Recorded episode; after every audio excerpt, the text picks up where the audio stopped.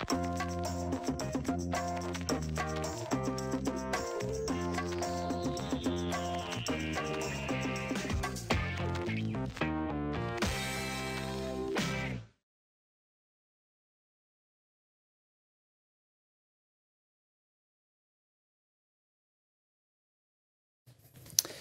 Då säger vi hjärtligt välkomna till säsongens sista Eurotalk och vi gör det med lite fågelkvitter faktiskt eh, utanför för studion, vilket är härligt. Sommarlov på gång. Eh, med Martin Makoto och eh, Christian. Christian, det drar igång VM på torsdag. Hur laddad är du? Ja, sakta men säkert kanske mer laddad då, va? men det, det, är svårt att vara fullt ut laddad då eftersom vi, vi fick eh, beskedet om Anthony Bourdain i, i om det, jag kommer inte ens ihåg eh, vilken dag det var det kom, att han inte längre kommer att, att verka sin, gör, hans fantastiska gärning. Mm. Så att eh, det överskuggar just nu faktiskt allt annat för mig.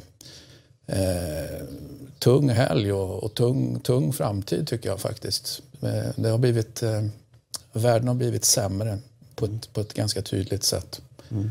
Så det har varit mycket, mycket tårar i helgen faktiskt, måste jag säga för min egen del. Mm. Han låg dig varmt om hjärtat? Ja, och inte bara mig, utan det, det gjorde han såklart för väldigt många. Det var ju en journalistisk gärning som var så enormt stor helt enkelt. Och, och tog saker och ting till en, till en nivå som inte fanns innan han tog dem till den nivån. Liksom. Det går ju såklart att göra jämförelser med fotboll om man vill det. Men, men när någon ändrar spelplanen rakt av eller, eller återuppfinner eh, spelplanen då, då är det imponerande. Och när, när det görs med den personligheten också som, som han lyckades göra det med. Det vill säga inte vara någon robot i något läge utan bara vara en stor humanist och, och, och, och fantastisk eh, varm människa och nyfiken. Då, då, ja, det är svårt att inte bli berörd helt enkelt. Mm. Vi går vidare med, eh, det var fina ord faktiskt. Eh, vi går vidare till fotbollen och det har ju varit två eh, träningslandskamper för Sveriges del som har rört upp ganska många. Där många har varit väldigt besvikna och väldigt kritiska till framförallt anfallsspelet. Eh, och så finns det ju då många som menar på att dra inte för stora växlar av de här två träningsmatcherna. Det, det är liksom på något sätt meningen att det ska se ut så här. Vad, vad, vad drar du för slutsatser av de här matcherna, Makoto? Mot Danmark och Peru, 0-0. Jag är väl på den senare skalan då, att inte dra för stora växlar av det här. Eller att, alltså 0-0 mot Peru som resultat, det är ett styrkebesked snarare än ett, liksom, någon krissignal sett till att Peru är ett väldigt bra lag som spelar extremt stabilt defensivt också. Fröjdiga offensivt. Ger problem till vilket lag som helst och Sverige går ändå och spelar 0-0 mot dem och ändå på ett sätt för spelet. Det tycker jag ändå är ett steg framåt även om man kanske inte har den här rörelsen eller skärpan framåt. Och 0-0 mot Danmark, ja det är, väl, det är väl inget att vara alltför orolig över heller. Och det har ju faktiskt sett ut så här tidigare när Sverige spelat. Du kommer inte få någon eh, tiki-taka, samba-fotboll på något sätt. Det är ett hårt jobbande kollektiv som jag kanske inte är det absolut roligaste att se på, men det funkar. Och jag tycker att de här resultaten, om man nu måste dra någon växel utifrån massa träningsmatcher, är, är inget att oroa sig över. Nej. Vad säger du Martin? Nej, det är ju eh, tramsigt att inte... Alltså, är det de som går, kommer med slutsatser om, om hur dåligt Sveriges anfallsspel är kan jag rimligtvis inte ha sett en, en minut på kvalspelet. Liksom. Vi hade ett avslut mot Italien på två matcher. Då hyllade samma personer det som något fantastiskt och så nu så kritiserar man. Alltså, det är återigen bara, alltså, det är, bara, det är beklämmande att folk inte har, kan dra, se, se mer och förstå mer av spelet och dra slutsatser. Jag håller med. Det är ett styrkebesked att spela 0-0. För att ska vi ta oss vidare i den här gruppen i VM eller några resultat så är det defensiven ska vara tight och det har den varit i två matcher. Eh, jag är inte förvånad över överraskad av att vi liksom inte vinner mot Danmark. Jag var orolig för att vi skulle förlora mot Danmark. Nu kom Danmark ganska tamt till den matchen förvisso. Men... Och utan Christian Eriksson till exempel. Absolut. Eh, och det var visste man ju inte några, någon vecka innan att, att, han inte skulle vara med. Det var ju inte klart i alla fall. Så det är klart att, att, att men ändå, här, det, det, är, det är viktigt att komma med en känsla av att inte släppa in mål. Det är det viktigaste av allt. Eh, vi gör mål på motståndsmisstag. Vi gör mål på få målchanser. Vi har gjort det hela kvalet. Vi har inte en enda match tycker jag egentligen varit bra offensivt eh, mot sånt här motstånd som vi pratar om här. Så att eh, jag rycker på axlarna. Jag skrev en tweet om det för jag var lite trött på att folk... Ja men fan, ransa, alltså, nej, ja. Vi släpper det helt enkelt. Sen om Sverige åker ut alla matcher och gör noll mål, ja, nej men det, det, det är inte heller, det är inget jag är nöjd med. Men det är ju en sak jag ser kunde hända när vi slog ut Italien på det sätt vi gjorde. Mm. Vi är där vi är just nu med den kvalitetsspelare vi har. Eh, jag skulle kanske valt eh, en annan sätt att spela fotboll på än Jan Andersson har valt. Men Jan Andersson valde väg. Eh, och de som berömde Jan Andersson för att han tog oss dit med det spelet kan ju rimligtvis inte kritisera honom för samma spel nu. Det är ju bara befängt tycker jag. Jag håller ju med, jag håller med er. Mm. Men eh, man kan ju ändå förstå att alltså, när, när folk till exempel be, betalar eh, en peng för att gå och se de här matcherna. Man vill ju se, man vill ju se mål. Man vill ju se någonting som kan bära frukt där framme. Eh, när man, går, när man åker till Friends Arena eller till Nya Ullevi för att se de här matcherna. Men man ska ju inte förvänta sig att gå och se Sverige möta Peru. Då liksom Peru som ändå är ett av Sydamerikas mest defensivt organiserade lag som absolut inte släpper några ytor. Mot ett Sverige som spelar under det här sättet som egentligen är det enda sättet du kan nå någon framgång sett till det spelarmaterial du har. Du kan ju inte åka dit och egentligen förvänta dig mål. Nej. Och det blir också Men nu var det nästan att... inte ett enda skott på mål på... Nej, men, nej, men det... Men, men det där händer ju rätt många om man tittar bakåt i tiden. Då. Någonting vill man ju. ja, men alltså, fotboll går ju precis lika mycket ut på att inte släppa in. Det är ju värt att komma ihåg. Absolut. Många mål är ju överskattat, säger jag. Men, men titta på, det är ju rätt vanligt att olika lag inför olika VM har problem att få igång just målskyttet. Det har vi ju sett liksom hundratusen gånger eh, mm. på olika lag. Och, och om man nu ska hålla sig till Sverige kan man säga att de gångerna som vi har varit mest nöjda inför ett VM var ju, var ju 1990 där det drogs enormt stora växlar 16 Finland har jag. Stor målskörd av Wales var det också mm. som vi mötte där och Finland precis mm. och Olimpar hade lekstuga och allting. Så om vi har lärt oss någonting av historien så är det ju att det här är bra. Så jag sållar mig till, till mm. studion här. Alltså det här är, se istället då att vi har fått igång från, från alltså att, att Durmaz har spelat liksom hyfsat bra som ändå får räknas som en offensiv spelare. Och så går Viktor Claesson in och gör det bra. Då har vi en offensiv spelare till som gör det bra. Och sen får vi se om, om Forsberg på lätten trillar ner. Liksom. Jag tycker ändå att eh, det går att hitta positiva grejer i det här. Alltså, nu vet inte jag status på, på Isak Kiestelin rent generellt. Men jag är ju svag för hans typ av sätt att spela fotboll när man spelar på det sätt som vi gör. Mm. Jag är lite för svårt att förstå att inte han får mer speltid. För det var ju så här vid u em då var han en av de viktigaste spelarna. Inte för att han var bättre än de andra, men för att han var bra på just det som vi behövde. Jag ser det problemet kommer det här laget också ha. Mm. Jag är lite överraskad. Jag, jag har inte sett honom i en av träningarna. Ingen aning om vad kvaliteten på honom är. Men givet som han har varit i stort sett och som, som han spelat och han har gjort mål i belgiska ligan, vad det är nu värt. Så tycker jag det är lite märkligt att man inte liksom ger honom mer utrymme ändå. För, att, för mig är det en spelare jag skulle nästan ha valt före de andra. Därför att slänga upp bollen på honom är vi pressade, alltså han, det är, han är jobbig att möta, bollen blir kvar, vi får upp laget. Traditionellt primitivt spel, men det har vi valt. Så, Janne Andersson, Peter Wettergren har valt sätt att spela fotboll och hålla, den linjen ska de givetvis hålla fast vid. Allt annat vore ju befängt från annat. Sen kan man ju då kritisera att de när de mötte Holland och Frankrike i början av kvalet då, för att vi spelade den fotbollen. Fine. De som gjorde det då, de har rätt att gnälla nu. Men alla andra som har jublat hela vägen och så börjar gnälla nu, det är bara jag, man svårt att tala om de personerna på allvar. Liksom. Eller deras fotbollskunskap på allvar i alla fall. Det man måste förstå är väl att Sverige verkligen som spelarmaterial, det går nästan att dra paralleller till Island i EM 2016 sett till kvaliteten som väldigt fin på spelarna gentemot de lagen man ska möta nu. Titta på Islands framgångssaga, det var ju inte någon klang och jubelföreställning direkt, deras fotboll. Men man fick all den där för att du ändå tog det vidare. Det är ju det som är Sveriges nyckel, är ju att hårt jobb, organiserat, laget före jaget det finns inget annat sätt att nå framgång för Sverige idag. Ja, det håller jag med om. Du tror, du tror ändå att det, det går att... Absolut, det tror jag. Jag skulle säga att Forsberg har den kvaliteten, möjligtvis Claesson, att göra, skapa någonting extra. Det, det är jag helt hundra på att det går. Men nu har vi valt en annan väg och då ska vi hålla fast vid den vägen. Och jag har inget emot... Alltså, men, men det är klart att det går att nå framgång på flera sätt det här med det här materialet. Det, det är liksom... eh, Jag kan Danmark ta sig till VM och spela fotboll? Det är klart att vi kan det också. För Danmark har ju mycket bättre material skulle jag säga. Ah, mycket bättre har de inte, tycker jag. Men, men visst, vi har valt den här vägen i alla fall. Och det är väl intressant i det här fallet. Vi har valt en väg. Samma personer som berömmer dem då klagar nu. Och det blir liksom bara en brist på, på... Det är bara ett bevis på deras bristande fotbollsförståelse tycker jag. Och jag tycker att supportrar som är där, som du är inne på Björn, de har rätt att gnälla. Det tycker jag absolut. Det får de ju bara acceptera, spelarna. Det är klart att de som kommer dit, som inte kanske är där så ofta, de vill se mål och saker hända. Det är klart de buar, det får man acceptera.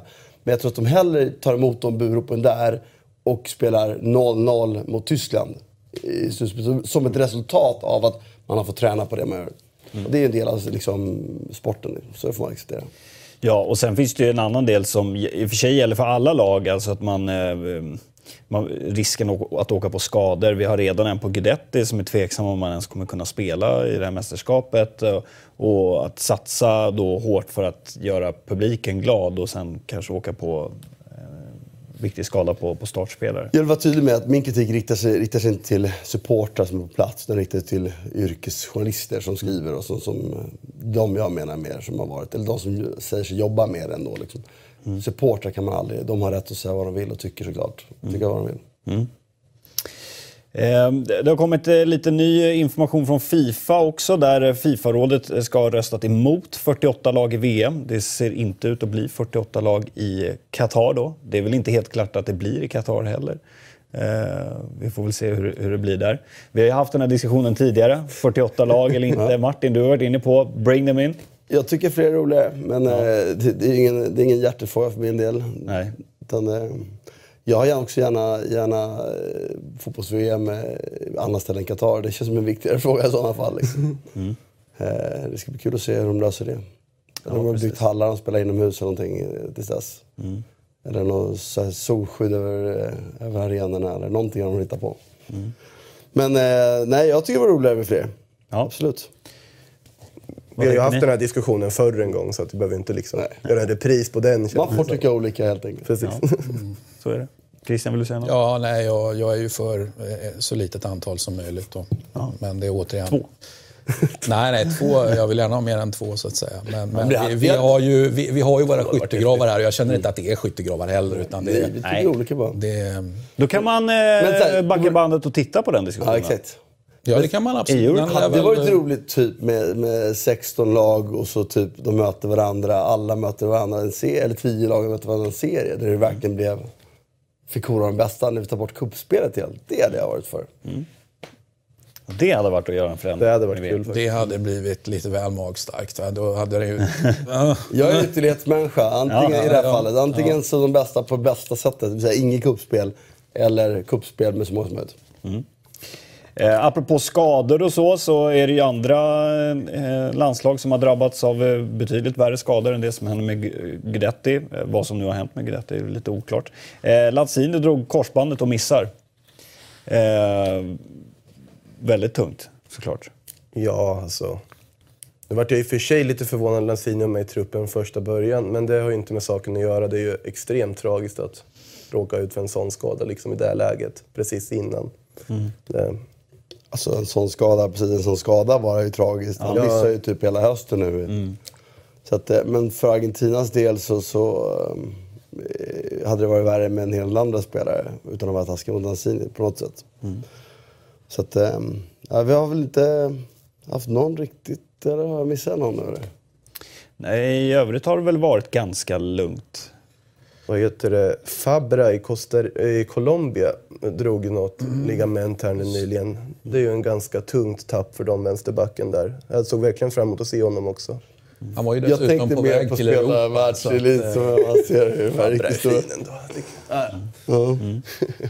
Eh, utanför planen har det hänt en del grejer också. Det var ju för några veckor sedan så eh, dök ju Özil och Gündogan eh, upp på någon slags middag eller möte med Turkiets president, Erdogan. Vi ser en bild här.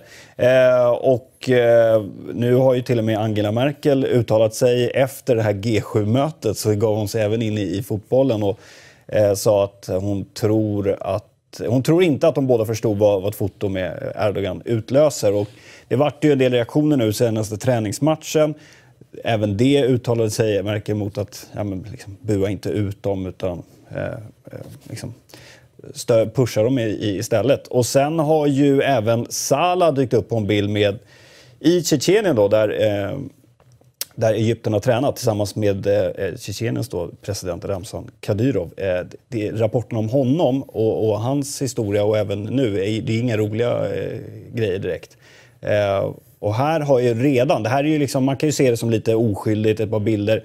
Bilden på Salah här ser ju mest som att han blir indragen in i, i, i en bild. Säga det. Alltså, ja, vad, vad, har han, vad har han, alltså jag har ingen aning om bakgrunden, men vad har han för val och sånt? Även om man vet vem det är, vad han står för person med den historiken mm. och så kommer han fram till dig Björn och ska ta en, ta en bild med dig. Mm. Du bara nej.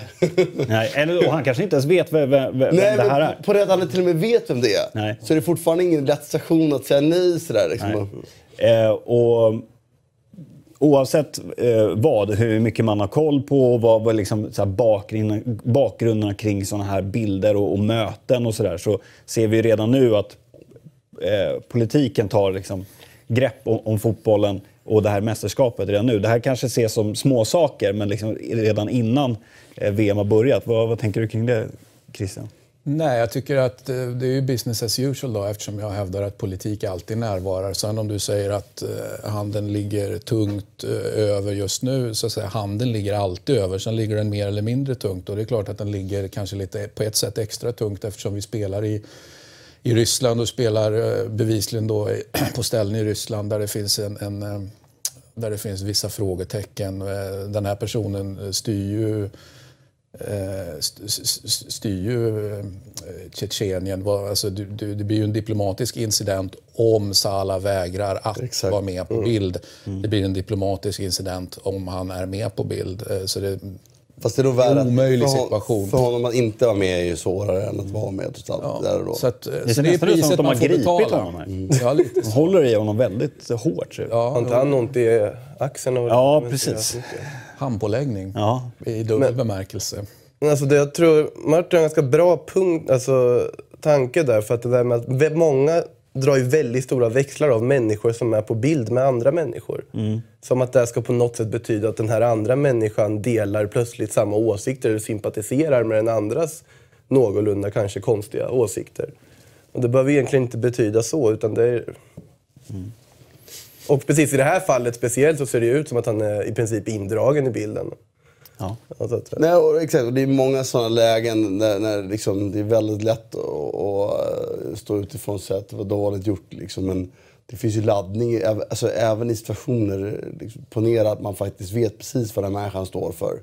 Eh, och vi absolut tycker genuint illa om den personen. Mm. Att ta, det, alltså, ta den konfrontationen ett sånt beslut skulle fatta där och då. Det är jävligt mycket enklare att bara ta den här jävla bilden och gå därifrån sen. Liksom. Mm.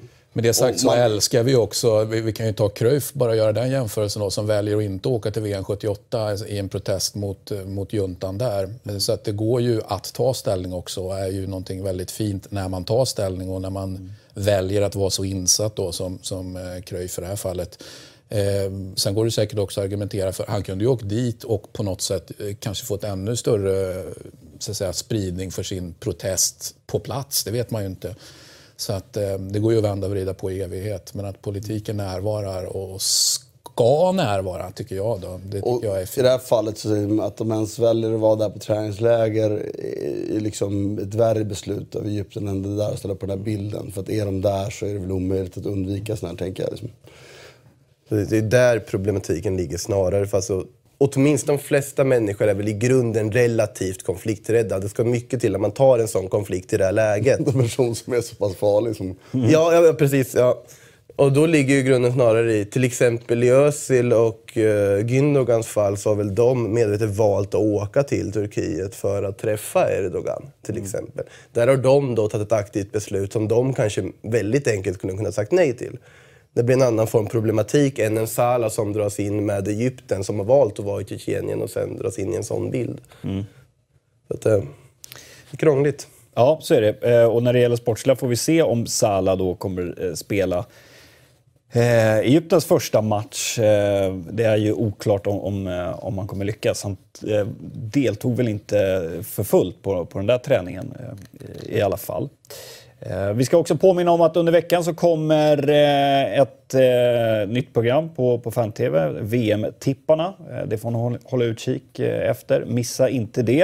Eh, Nu tänkte jag vi ska liksom, runda av lite det här VM-snacket med att fråga er vilka, vi börjar med till, eh, finallagen. Om ni ska tippa finallag, vilka tror ni går till final? Är vi med i VM-tipparna nu eller? Nej, Jag bara undrar.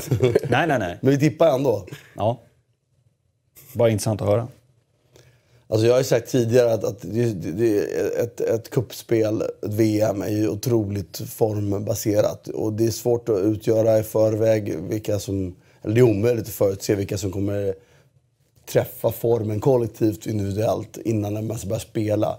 Eh, men tittar man då, och då måste man gå på de som har bäst balanserade trupper. Eller liksom, det jag tycker finns täckning för det mesta. Då landar jag ändå i Frankrike och Brasilien som de två lagen som har Alltså, det, finns, det finns mycket som kan gå fel där och de ska ändå prestera ganska bra tycker jag. Eh, men sen tycker jag, jag menar, vi pratar om att jag tycker Tyskland ser, ser ut, tittar på truppen så ser truppen jättekompetent ut men jag ser ganska trött ut också. Jag tycker det är ett, ett, ett svaghetstecken att så många är med utan att ha spelat och, och varit med hela tiden och, och kanske inte... Jag tycker många har en peakkurva på sin individuella karriär som är på väg neråt. Och jag har aldrig varit så imponerad av Jogge Löw som tränare. Att, men, men Tyskland ni kommer säkert att ha en bra chans. Spanien är typ borträknade av folk. Spanien har en fantastisk lag egentligen. Portugal, äh, det kanske inte kan ändå... eh, Jag menar, Blixten slår ner en eller två gånger. Det, så bra är Även om den truppen också är bra. Och så Argentina kan, kan ju heller inte räkna ut med de typer av individualister de har. Men ska man landa i någonting innan man har sett var de står formmässigt så måste jag ändå landa i att Brasilien och Frankrike har bäst balans på sina startelver och kan byta dem på lite olika sätt och ändå behålla det. Och jag gillar verkligen Brasiliens mittfält. Det är ett sånt mittfält som Brasilien vinner VM med normalt sett. När det blir, eh, liksom, om jag jämför det med det laget de hade förra VM som jag tyckte var eh, så här öppet. Eller faktiskt det lag de vann 2002 med förvisso, som jag tyckte också var lite väl öppet. Men det var ett speciellt VM. Liksom. Men, men att man har sådana spel som Fred, Fernandinho, Casemiro, Paulinho. Den typen av mittfältare, det är sånt jag tror Brasilien kan vinna VM med. Så att, ehm, men sen får vi se. Efter, man ser direkt, det räcker med att se två omgångar så kan man peka ut riktningen på ganska många lag faktiskt. Vilka Jag- säger Makoto då? Jag tror ju Brasilien också. Det har jag sagt, eller satt i alla mina tips tror jag hittills. Som jag, man lämnar in alla dessa VM-tips nu inför. Så. Men det är ju det är ett helt komplett lag. Och sen så är det framförallt också ett lag som är oerhört revanschsuget från det som hände för fyra år sedan. Och det tror jag kan spela in. Och Neymar som nu har kommit tillbaka. Må så vara att han har varit skadad men samtidigt har han också fått vila lite. Och sitta på vilken fantastisk form och vilken liksom spelglädje han har visat nu när han fått komma tillbaka och spela. Lägg till honom till ett lag med spelare som ja, Casemiro, Paulinho och de på mitten. Tvåvägsspelare, hårt jobbande mittfältare. En backlinje som är kanonbra den också. Och en tränare som verkligen har fått byggt ihop ett lag då som känns ostoppbara tycker jag. Och jag gissar på att det är de och Spanien som kommer att spela final. För Okej. Spanien har också en väldigt, väldigt bra trupp skulle jag säga. Och det är, för mig är det de två klart bästa lagen. Ja. Christian? Nej, jag, jag kör Uruguay här.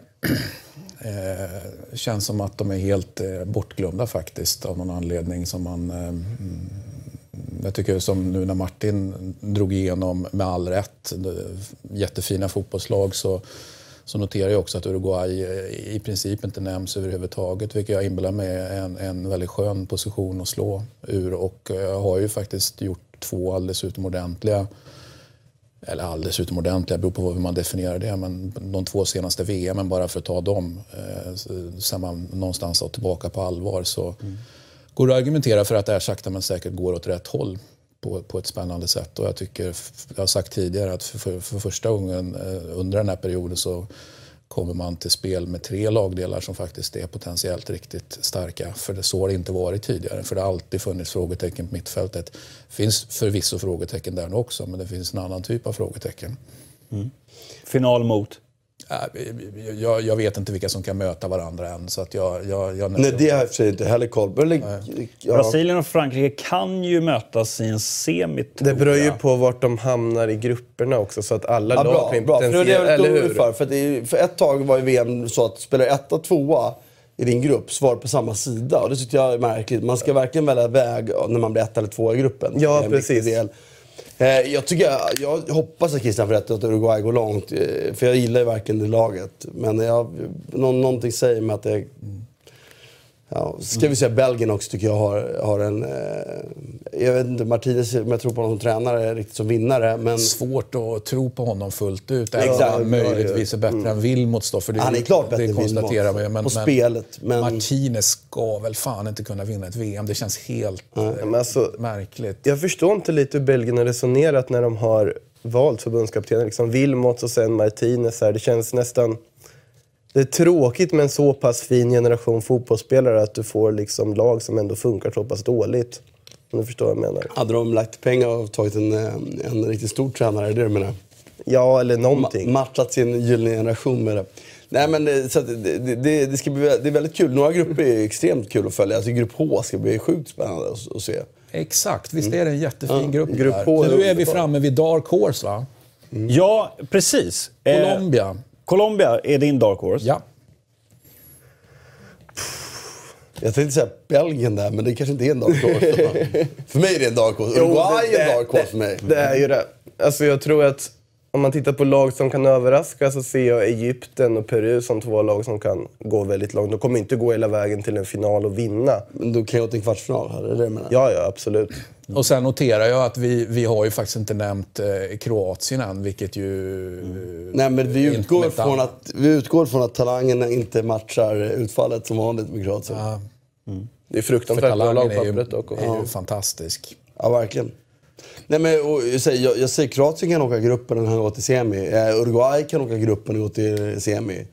Alltså det, det är verkligen... Colombia, jag ser lite svårare att se dem, men det är möjligt där. Och, Serbien ska man ju inte helt glömma bort heller. Om man ska säga så. så, så har vi inte nämnt, ska man väl. så har vi inte nämnt Polen heller. Det- De klarar ju aldrig av att prestera Då är faktiskt. det väl dags Ni har inte nämnt Argentina heller. Jo, Jo, Martin, jag Martin nämnde. nämnde. Du nämnde dem. Alltså, de individualister de har så kan de vinna, absolut. Alltså, vi pratar Uruguay kan ju vinna. Alltså, Polen kan inte vinna. Belgien tveksamt kanske kan vinna. Argentina kan ju vinna på allvar, absolut. Men det är vet, målvaktsproblem och allt vad det kan vara. Men det ser man ju. Jag menar, efter tre, två, tre matcher, två matcher i gruppspelet så har du sett vad de kan prestera. Då, liksom, det är någonstans därför man kan börja dra slutsatser. Men Sverige kom, kom eh, trea, är inte fan vi tre, eller tredje bäst i världen. Det var ju ett skämt. Men ett kuppspel, rätt lottning, rätt form. Och eh, vinnare av hela turneringen. Alltså jag hoppas ju på, på Argentina. Eh, nu har jag inte nämnt dem som finallag ens, men... Eh, så jag tycker det vore kul om... Eh, på något sätt så, så är jag lite... Jag menar, om nu en gäst kan spela liksom. Tänk om han skulle vinna igen liksom. Vad sätter det honom i historien i sådana fall liksom? Med, med två VM och två EM-guld. Det, det är inte många som har mäktat med. Då är han över Zidane i nivå liksom. Eller tänk om det händer nu att, att Spanien backar tillbaka till sin tidigare nivå och helt plötsligt icke presterar trots bra spelarmaterial. Det är ju faktiskt jättespännande att se om de, om de har om de landslags har det i sig fortfarande. Det är, eh, jag kan tänka mig att det kommer komma spelarmaterialet till trots eh, jävligt mycket nerver i ett visst läge för Spanien faktiskt. Vart har vi England måste man också fråga sig. Alltså, jag, igen. jag tror att de kommer att spela ganska bra. Eh, Jag tror bara att de saknar individualisterna för att vara med Sterling blir lite för ensam för att försöka skapa någonting som var... Ja, jag tror inte Sterling heller. Sterling är, är, lite som eh, Coman eller Douglas Costa som spelar som passar väldigt bra när man spelar ett spel som Guardiola gör. Det är väl en spelare som engelska pressen åtminstone hoppas ska fejla något ordentligt. Så som han blir attackerad för de, mest märkliga eh, Ja, det, Det, det är lite okunnigt. Så här. Folk ser så på Sterling, det är så lätt att se att han missar målchanser och är irriterad. Då glömmer de bort hur, hur hans snabbhet och, och liksom andra kvaliteter gör att han faktiskt tar sig de här lägena. Han, alltså, hade han haft en avslutsprocent som, som eh, en bra, bra avslutare Allsvenskan har haft. Då hade han ju varit eh, närmast på, på podiet på Ballon d'Or nästan. Liksom. Men det, och det, jag kan också bli irriterad på att han missar hans chanser. Men man måste komma ihåg vilken jävla oreda det skapas motståndare. Att han tar sig till allt. Hur duktig han är mot en. Och då får man liksom leva med det andra. Men där är det lite okunnighetstecken igen. Att de bara missar målchanser binärt. Svart eller vitt, då är man dålig. Punkt. Och, så, och har, vi kommit till den slutsatsen där, då måste vi såga dem med alla led ner sen. Mm. annars strider det ju. Alltså, det, det är lite, jag gillar ju Sterling, men jag har, han är, man får ta honom för vad han är. Han kommer aldrig göra 30 mål eh, på, på 50 målchanser. Han ska göra 30 mål på 100 målchanser. Men han kan ju ta sig till 100. Icardi kan ta sig till 50 och göra med 30. Men i slutändan, vad värderar vi mest? Är det effektivitet bättre än... än, är det inte absoluta talen vi ska prata om trots allt? Liksom, eller? Men där är väl Salah samma sak egentligen, sett till hur många chanser han har. han, är, han, är ju, han ju bra avslutsprocent, har han inte det? Fast, ja, han kan ha bättrat en Det är Premier League, jag tror att han ligger bra till det. Han gör det. Men okej, vi drar lite snabbt då. Jag tror det. i alla fall. Vinnare. Vilka du tror. Vilka jag tror? Eh, jag säger vad jag hoppas istället. Argentina, Okej. Argentina eller Spanien. Okej. Brasilien. Uruguay. Uruguay. Ja, härligt. Eh, nu ska vi prata lite om, det, om den här. BenQ. Projektorn. Som man ju kan vinna eh, tillsammans eh, med eh, dina fina listor som, som du har gjort. Och eh, vi, vi hade ju senast eh, VM-spöken. Och eh, där har vi ju eh, fått in en del förslag. Eh, Christian har ju alltså då, för de som inte har varit med på det här tidigare, då, gör ju en del, har gjort eh, sex stycken listor. Och så kan man ju då eh, lägga fram sina listor och då kommer Christian till slut välja en vinnare då som vinner den här superprojektorn. Och ja, vad, vad, vad, har du fått för... eh, Vad har du, hur har du reagerat på, på de här eh, listorna som Ja, det var, till må, eh, var många fina listor men, men ehm, lite väl offensivt här av, av Henrik Hellberg här på, som, som drar in svenska amatörer, vilket ju är väldigt korrekt. Då. Eh, Men det var roligt. Tillåts ej 50 54. Vi kunde vunnit. Den, det är en, eh, låt oss kalla det poetisk tolkning. Jag, jag, jag, tycker den är... Vadå, har han inte poäng där? Ja, han har en poäng att vi, vi har schabblat bort saker och ting. Men att vi så tydligt kunde vunnit, den, den är jag inte riktigt med Vi hade ju en fördel mot många av de stora länderna eftersom vi inte hade varit med i kriget. Absolut. Så där hade vi, jag skulle ha påstått att han har en poäng där. Ja. Men han har absolut en poäng, men jag känner att det här, vi kunde vunnit. Det, det, det, jag tror inte riktigt på det faktiskt. Okej. eh, just, just, eh, nej, jag tror varken på 50 eller 54. Och om vi backar till, det var ett annat svar jag tänkte kommentera. Det var bra, bra, eh, bra ordval tycker jag. Nederländska missöden. Tjeckiska nerver har han plockat ut bra där. Två finaler, två ledningar, två förluster. Eh, bra, bra jobbat. Arbetsinsats. Eh, Stilpoäng, men det räcker inte till att vinna eh, nomineringen. Nej.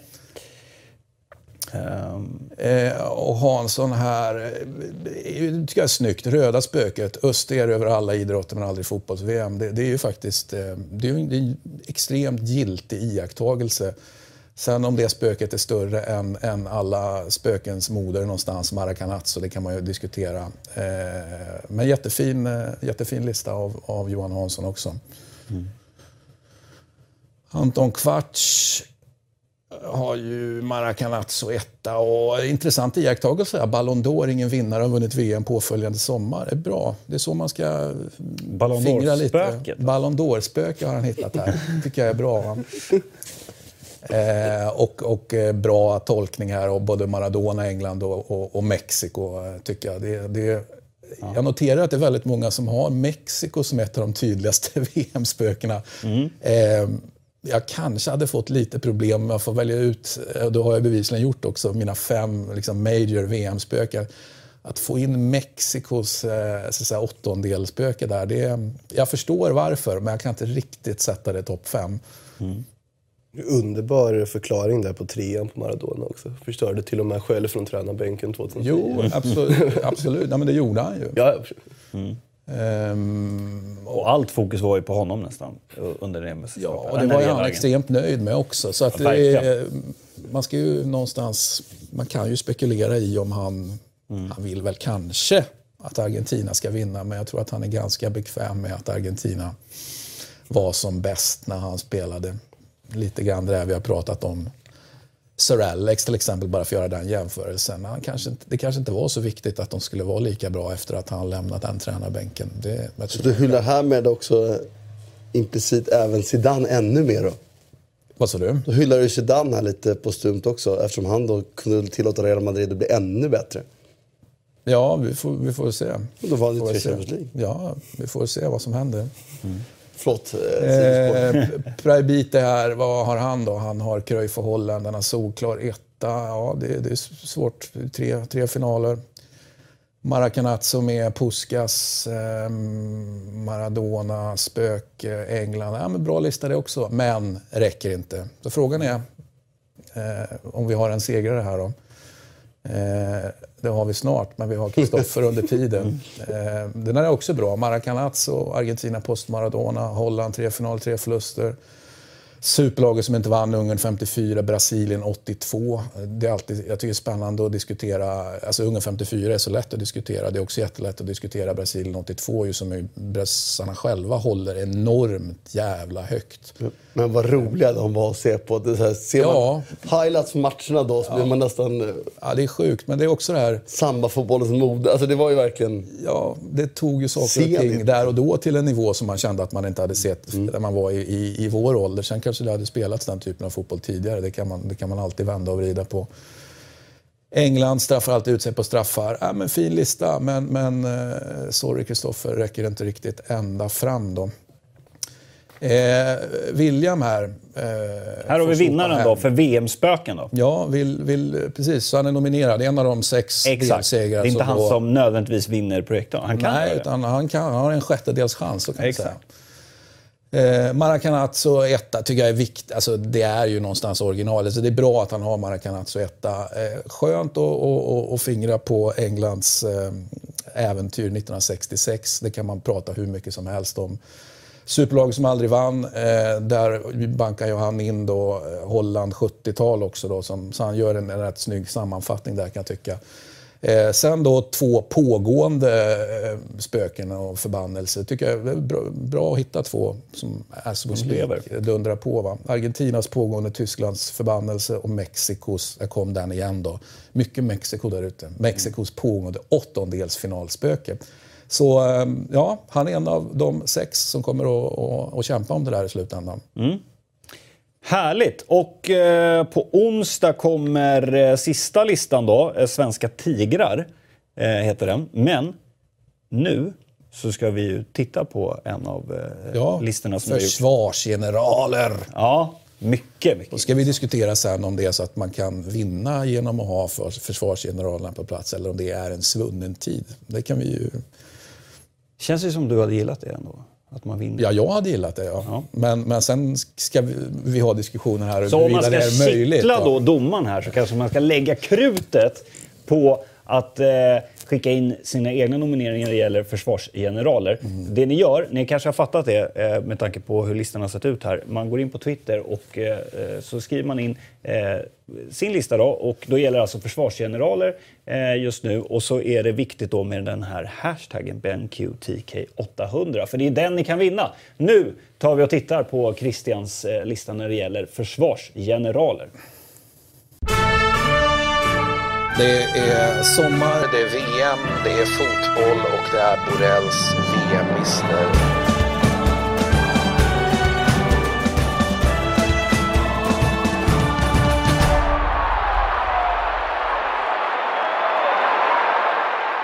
Borrells VM-listor har kommit fram till en lista som eh, ligger mig väldigt varmt om hjärtat. Jag som hävdar att man bygger, bygger lag eh, bakifrån och då behöver man ju ha försvarsgeneraler. Försvarsgeneraler som inte nödvändigtvis behöver eh, vara där i backlinjen. De kan faktiskt vara på ett tillbakadraget mittfält också, vilket vi strax eh, ska se. Vi börjar med eh, en eh, femteplats och det är Gaetano Chirea, Italiens Libro i VM 1982 hur den här italienska upplagan eh, står sig mot till exempel VM-segrande Italien 34 och 38 och 06. Det kan man fundera över. Men VM-upplagan 1982 går ju till historien för att man vinner VM-guldet och man hanterar det kanske främsta upplagan rent offensivt av eh, Brasilien genom alla tider. Det räcker till femte plats på listan över försvarsgeneraler för Gaetano Chiré. På fjärde plats, eh, där har vi då eh, beviset på att man behöver inte vara mittback för att vara försvarsgeneral eh, och inte ens back utan det fungerar alldeles, bra, eh, alldeles utmärkt ska jag säga. Inte bara bra utan utmärkt att hantera saker och ting från ett tillbakadraget mittfält. Det är VM 1994 och det är Carlos Dunga såklart. Det är äckligt disciplinerade Brasilien som var VM-laget 1994. Eh, var det ju Carlos Dunga som styrde bakom sig mittbackarna där, Marcio Santos och Aldair. Vem bryr sig? De var bara tillräckligt bra. På mittfältet däremot så var Dunga fantastisk. Låt vara att han hade fantastiskt sällskap av eh, en viss Mauro Silva, en viss Massinho och så vidare. Men Carlos Dunga, försvarsgeneralen Carlos Dunga tar plats på fjärde plats över listan över VM-historiens främsta försvarsgeneraler. På tredje plats, eh, VM 2006 och Fabio Cannavaro. Eh, ja, han tog ju eh, försvarandet till en, en, eh, en ny nivå. Eh, I alla fall blev det så uppmärksammat att han ju sopade hem utmärkelsen som världens eh, främste spelare, vilket ju då bara är Fabio Cannavaro förunnat av de här försvarsgeneralerna, av de här backarna. Ehm, Tredje plats, hans insats där 2006. Och man kan ju ta och fundera över om det är så att den nästa som började VM och var tänkt att spela VM vid sidan om Cannavaro, om inte uh, han hade ersatts av Materazzi, hade då räckt lika långt. Det är en akademisk diskussion. Eh, och Fabio Cannavaro landar alltså på tredje plats, listan över främsta försvarsgeneraler i VM-historien. På andra plats, VM 1974 och Franz Beckenbauer såklart. Han som tolkade på ett alldeles eh, eget sätt Libro-positionen. Om vi jämför då till exempel med eh, en annan Libro som vi hade på listan här på femte plats, Gaetano Chirea så var det ju mycket bolldistribution på Chirea, absolut. Men det var ju inte alls lika mycket eh, eskapader framåt i banan som eh, det var för Franz Beckenbauer. Så Franz Beckenbauers tolkning eh, som tog tyskarna till VM-guld 1974, ja det räcker till andra plats på listan över främsta försvarsgeneraler genom tiderna i VM. Vi är framme vid första plats och det är eh, tillbaka till det första VMet någonsin, VM 1930 i Uruguay och hemmalagets lagkapten, deras store ledare José Nasazzi eh, tog ju på ett extremt imponerande sätt, låt vara mot inte fantastiskt motstånd. Det var ju många motståndare som inte orkade med resan över Atlanten Eh, och de som var där var inte nödvändigtvis i superform. Så det går att argumentera för att det här var ett lätt VM att vinna för, för hemmanationen Uruguay. Men José Nasazzi lyckades inte bara med det konststycket. Han eh, och den här upplagan av Uruguay ståtar ju också med två stycken OS-guld. Och vem vet om inte Uruguay hade varit så ledsna och griniga över att alla europeiska lag inte åkte över Atlanten 1930 så kanske man själva hade åkt över Atlanten 1934 och eh, gjort någonting av det där VMet i Italien som slutade med italienskt VM-guld. Kunde alltså blivit ett VM-guld till. I alla fall en extremt eh, fin insats VM 34 eh, kan jag lova att detta Uruguay under ledning av José Nasazzi hade presterat över till er nu. Eh, reflektera, diskutera, sätt ihop eh, er egen lista och utmana mig i den här eh, kampen om det där så fina slutpriset som finns för att ha kommit med ett riktigt bra eget förslag på lista i eh, den huvudlista som är Borrells VM-lista.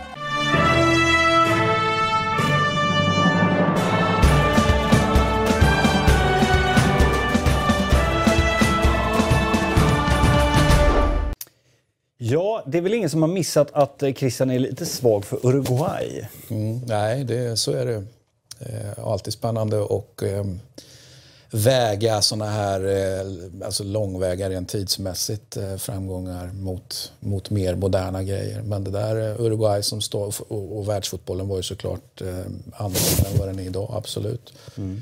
Men framgångarna där och då var, var de de var helt enkelt. Det är, det är svårt, att, svårt att argumentera bort dem. Mm. Är den fläckfri den här listan? Är du, hur nöjd är du med den? Nej, jag, jag, om jag ska ta fram någonting som jag kanske inte är, är nöjd med så är jag väl... Alltså jag är ingen super förespråkare Så att där kan ni få en, en ingång. Mm. Det, samtidigt så ett tungt argument för han håller trots allt ihop det, det försvaret med all önskvärd tydlighet. 82 och de vinner. Och vi pratade ju tidigare om det fantastiska Brasilien 82 som ju var ett av de mest fantastiska lagen som inte vann. Så att det är ju ett argument för Chirea såklart. Mm.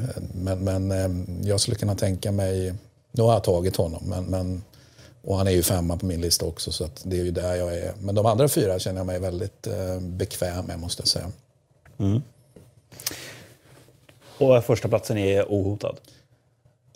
Ja, det får vi väl se nu när de skickar in sina listor. Men jag menar, alltså, återigen, på den tiden var det, ska vi också komma ihåg att då var ju, då var ju OS någonting som var, var finare än VM. VM var ju, började ju som någon slags experiment. Alltså att de, men de kom ju från dubbla, dubbla OS-guld liksom kring det där. Och sen Eh, snygg seger då, första VMet någonsin. Och sen så spelar de inte 34 eftersom de då väljer att inte åka till Europa som någon slags mm. hem då.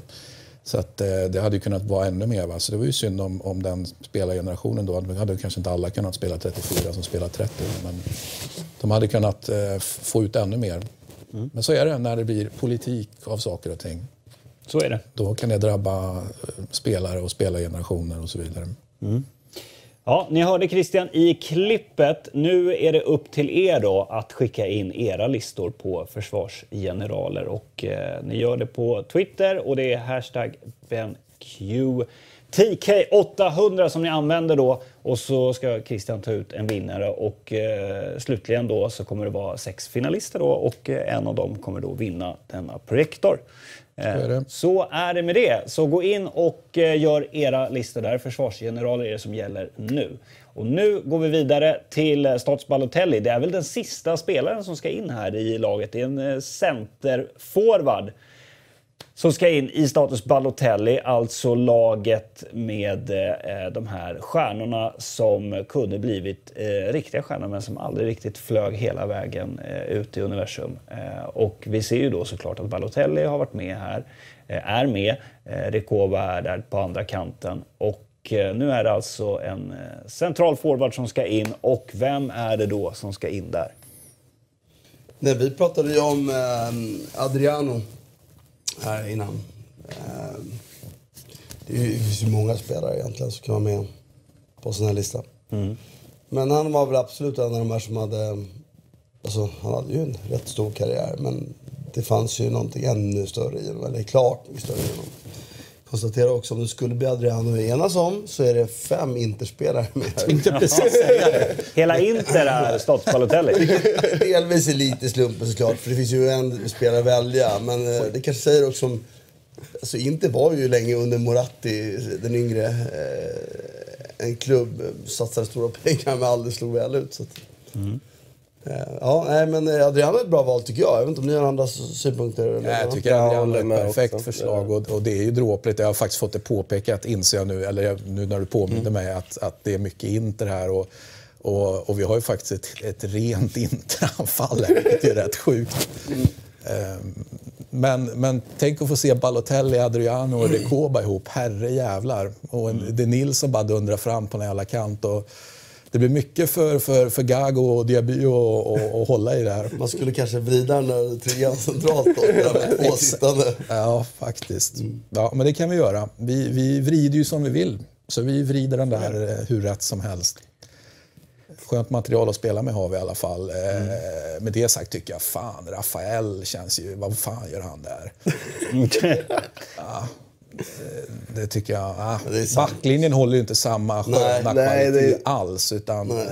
även Santon kan vi ju ifrågasätta. Ja, exakt, Men har det inte mycket att göra med att de liksom, just jo. där, status Balotelli är ju, där man minns är ju de här talangerna som visar superteknik eller såg målfarligt Det här kan bli världens bästa men inte lyckades.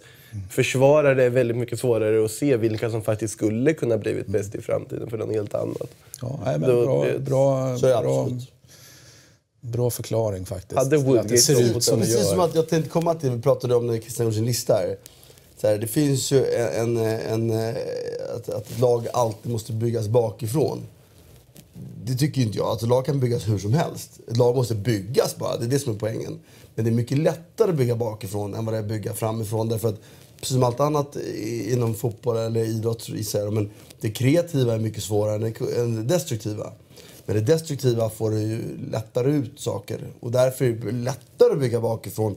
Jag skulle råda majoriteten av alla tränare som finns att ha en stabil balans och en stabil bakifrån. Det är mycket lättare att addera saker där framme.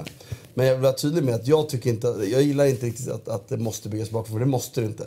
Man kan bygga med, med, med Rekova och Balotelli och Adriano fram till.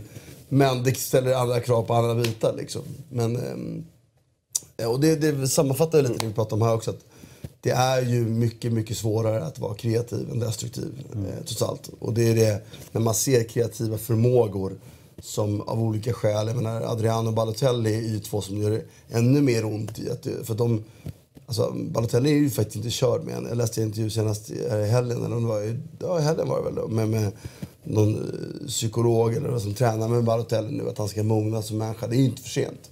Men Adriano, det var ju verkligen han söp bort. Det var en olycklig människa. Med rätt ledning runt omkring honom så hade han blivit oh, jävligt mycket bättre. Mm. Och därför är det mycket lättare att se, precis som att mm. Makoto är inne på. Att en back, det är faktiskt svårt att säga om... Eh, alltså, jag menar, Sodde Godin när han var 18 år kunde säga att han skulle bli bra, men du ser inte, det är svårt att förstå den liksom, på samma sätt, för det är inte lika tydlig den talangen. Nej. Adriano tar eh, sista platsen i eh Status Balotelli bland de 11 supertalangerna som aldrig riktigt blev de där superstjärnorna de spåddes bli. Med några brasklappar där. Kanske runt ja, det, det, det, måste, det måste vara brasklappar där mm. faktiskt. Mm. Mm. Men även solen har sina fläckar, så även, även studion. Så, så även Status Balotelli. Eh, och även här så kan ju eh, ni bidra. Eh, ni kan ju gå in på Europatipset på Twitter.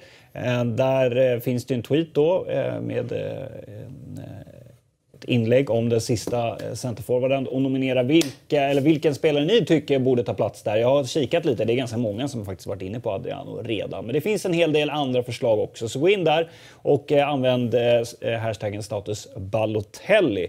Och med det sagt och punkt där så tar vi oss vidare till England.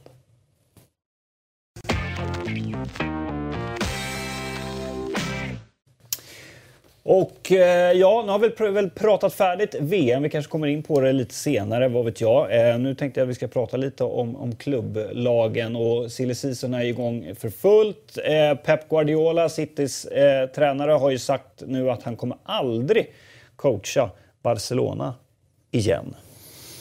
Nej, och det är väl bra att han inte ska coacha Barcelona igen. Han kan sportchefa Barcelona igen, så att det är så jag mm. väljer att läsa det. Mm, helt enkelt. Han har inget att vinna på att gå tillbaka dit med tanke på vad han åstadkom. Alltså ja. egentligen.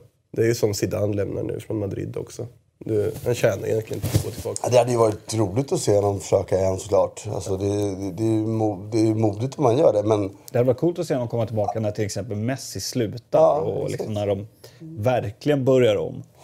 Men det som Christian är inne på så kanske den viktigare långsiktigt för Barcelona är att få in någon sån stark... Givet att politiken i Barcelona är väldigt närvarande. Så att behöver man kanske en teknokrat där som, som liksom inte bara är politiskt laddad i allt han gör. Utan faktiskt först och främst, sen är han ju politiskt laddad också. Men så jag menar, hans kunskap eh, är, är så att jag gör säkert mer nytta i klubben i Barcelona som, som eh, sportslig ledning. Men jag hade tyckt det var kul att se honom pröva, pröva som tränare. Det har varit ett modigt val. Men har han sagt det, vilket jag inte har läst, det var nytt för mig det här, så, så då blir det ju inte så. Han är ju väldigt, liksom, tycker jag, principfast med sådana saker. Och sen får vi komma ihåg att han också har sagt att han, kommer, han, han ska inte träna så länge till. Och, och apropå att han är eh, principfast och eh, står vid sina ord. Mm mickfiskning. Eh, precis. Så, så känns det som eh, att we can't wait helt enkelt till att han kommer tillbaka till Barcelona. Eller jag kan i alla fall inte vänta på det. Helskotta vad jag, vad, jag, vad jag vill det och vad jag längtar efter det. Mm. Så sluta träna nu för guds skull. Sen är... hinna med Serie A tycker jag också. Ja, just, så ser, fyra... lite Serie A. En trea där. Tre säsonger och sen, eller, och sen tillbaka. Och gärna i Roma då, om man, eller hellre helst i Napoli tycker jag. Men. Roma eftersom han spelade där hade ju varit en... Mm. Han, det har ju varit, eh, det har pratats en del om, om eh, hans ledarskap igen. Eh, Yahya Touré var ute och svingade ja, igen och drog ju eh, då en del... Eh, han drog rasistkortet helt Han drog rasistkortet, mm. precis. Och eh, det här har ju Fekt. Pep såklart slagit ifrån sig. Fegt säger Martin, vill du utveckla?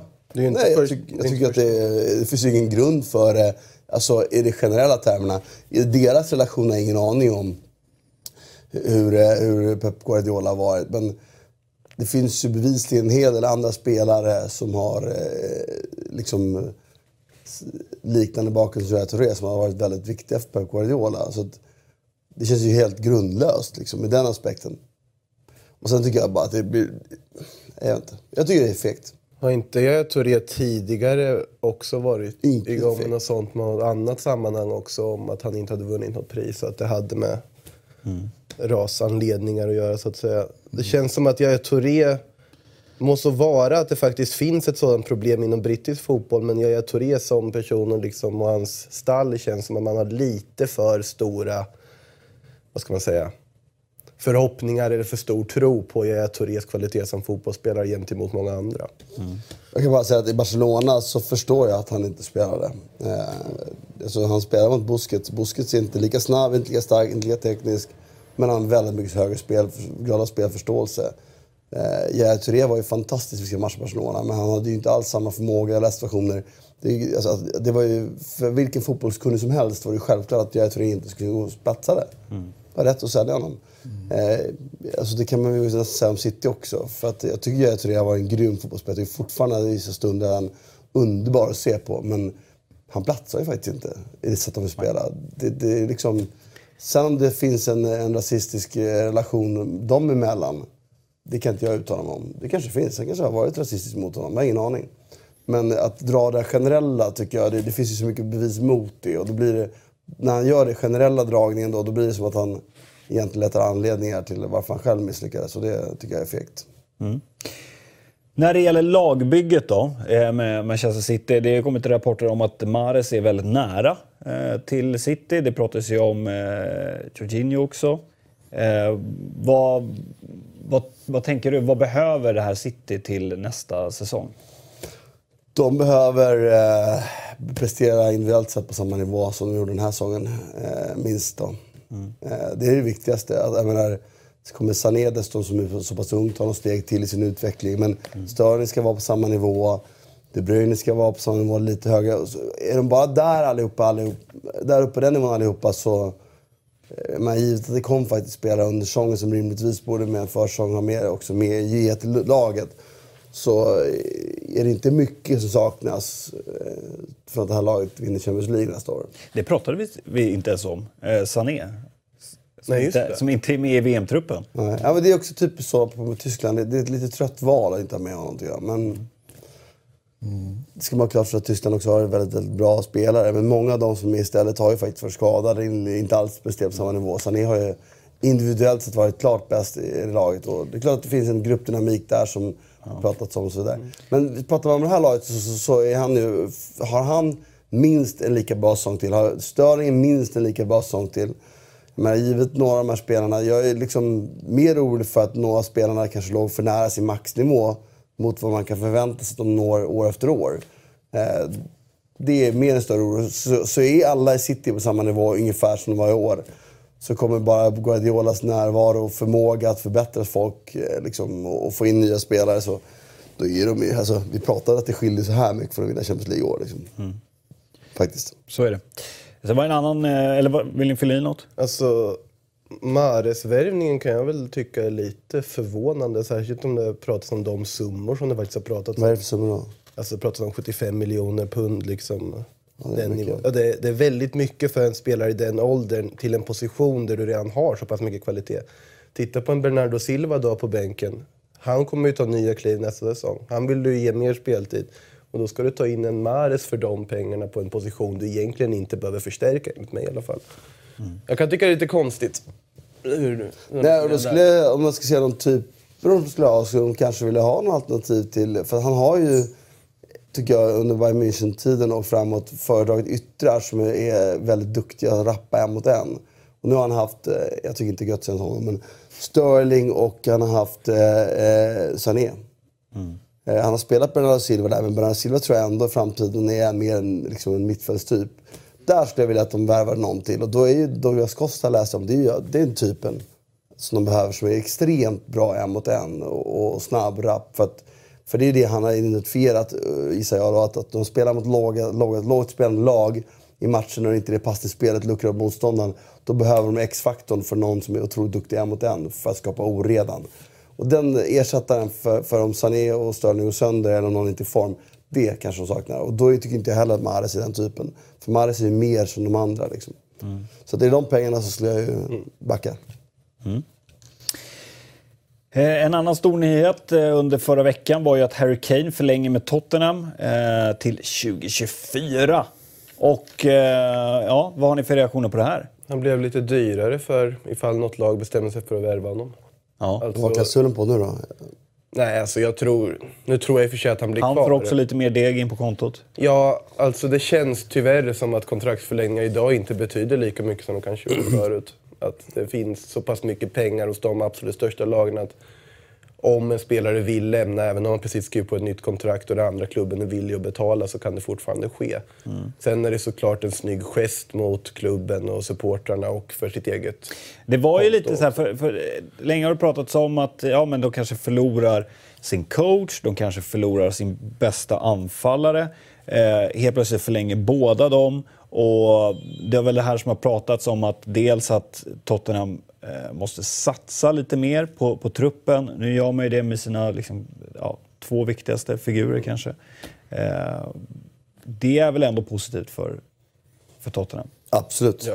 Men det som jag gått inne på, det är, det är ju en... Inte kanske att det har minskat i betydelse, för jag tror att alltid betydelsen har varit detsamma. Men det de facto är, är ju att det, det höjer eh, värdet på dem i en försäljning. Även på, på Pochettino så är det ju så. Eh, och det är ju, det är ju bra. Alltså det är ju... Det är inget negativt med det. Nej, Nej men oavsett om, om man går i sommar så, så är det ju bra att få till det innan för de får in mer pengar. Det är liksom det det handlar om någonstans. Mm. Eller det det handlar om. Men, så att det, och klausuler är nu mer i...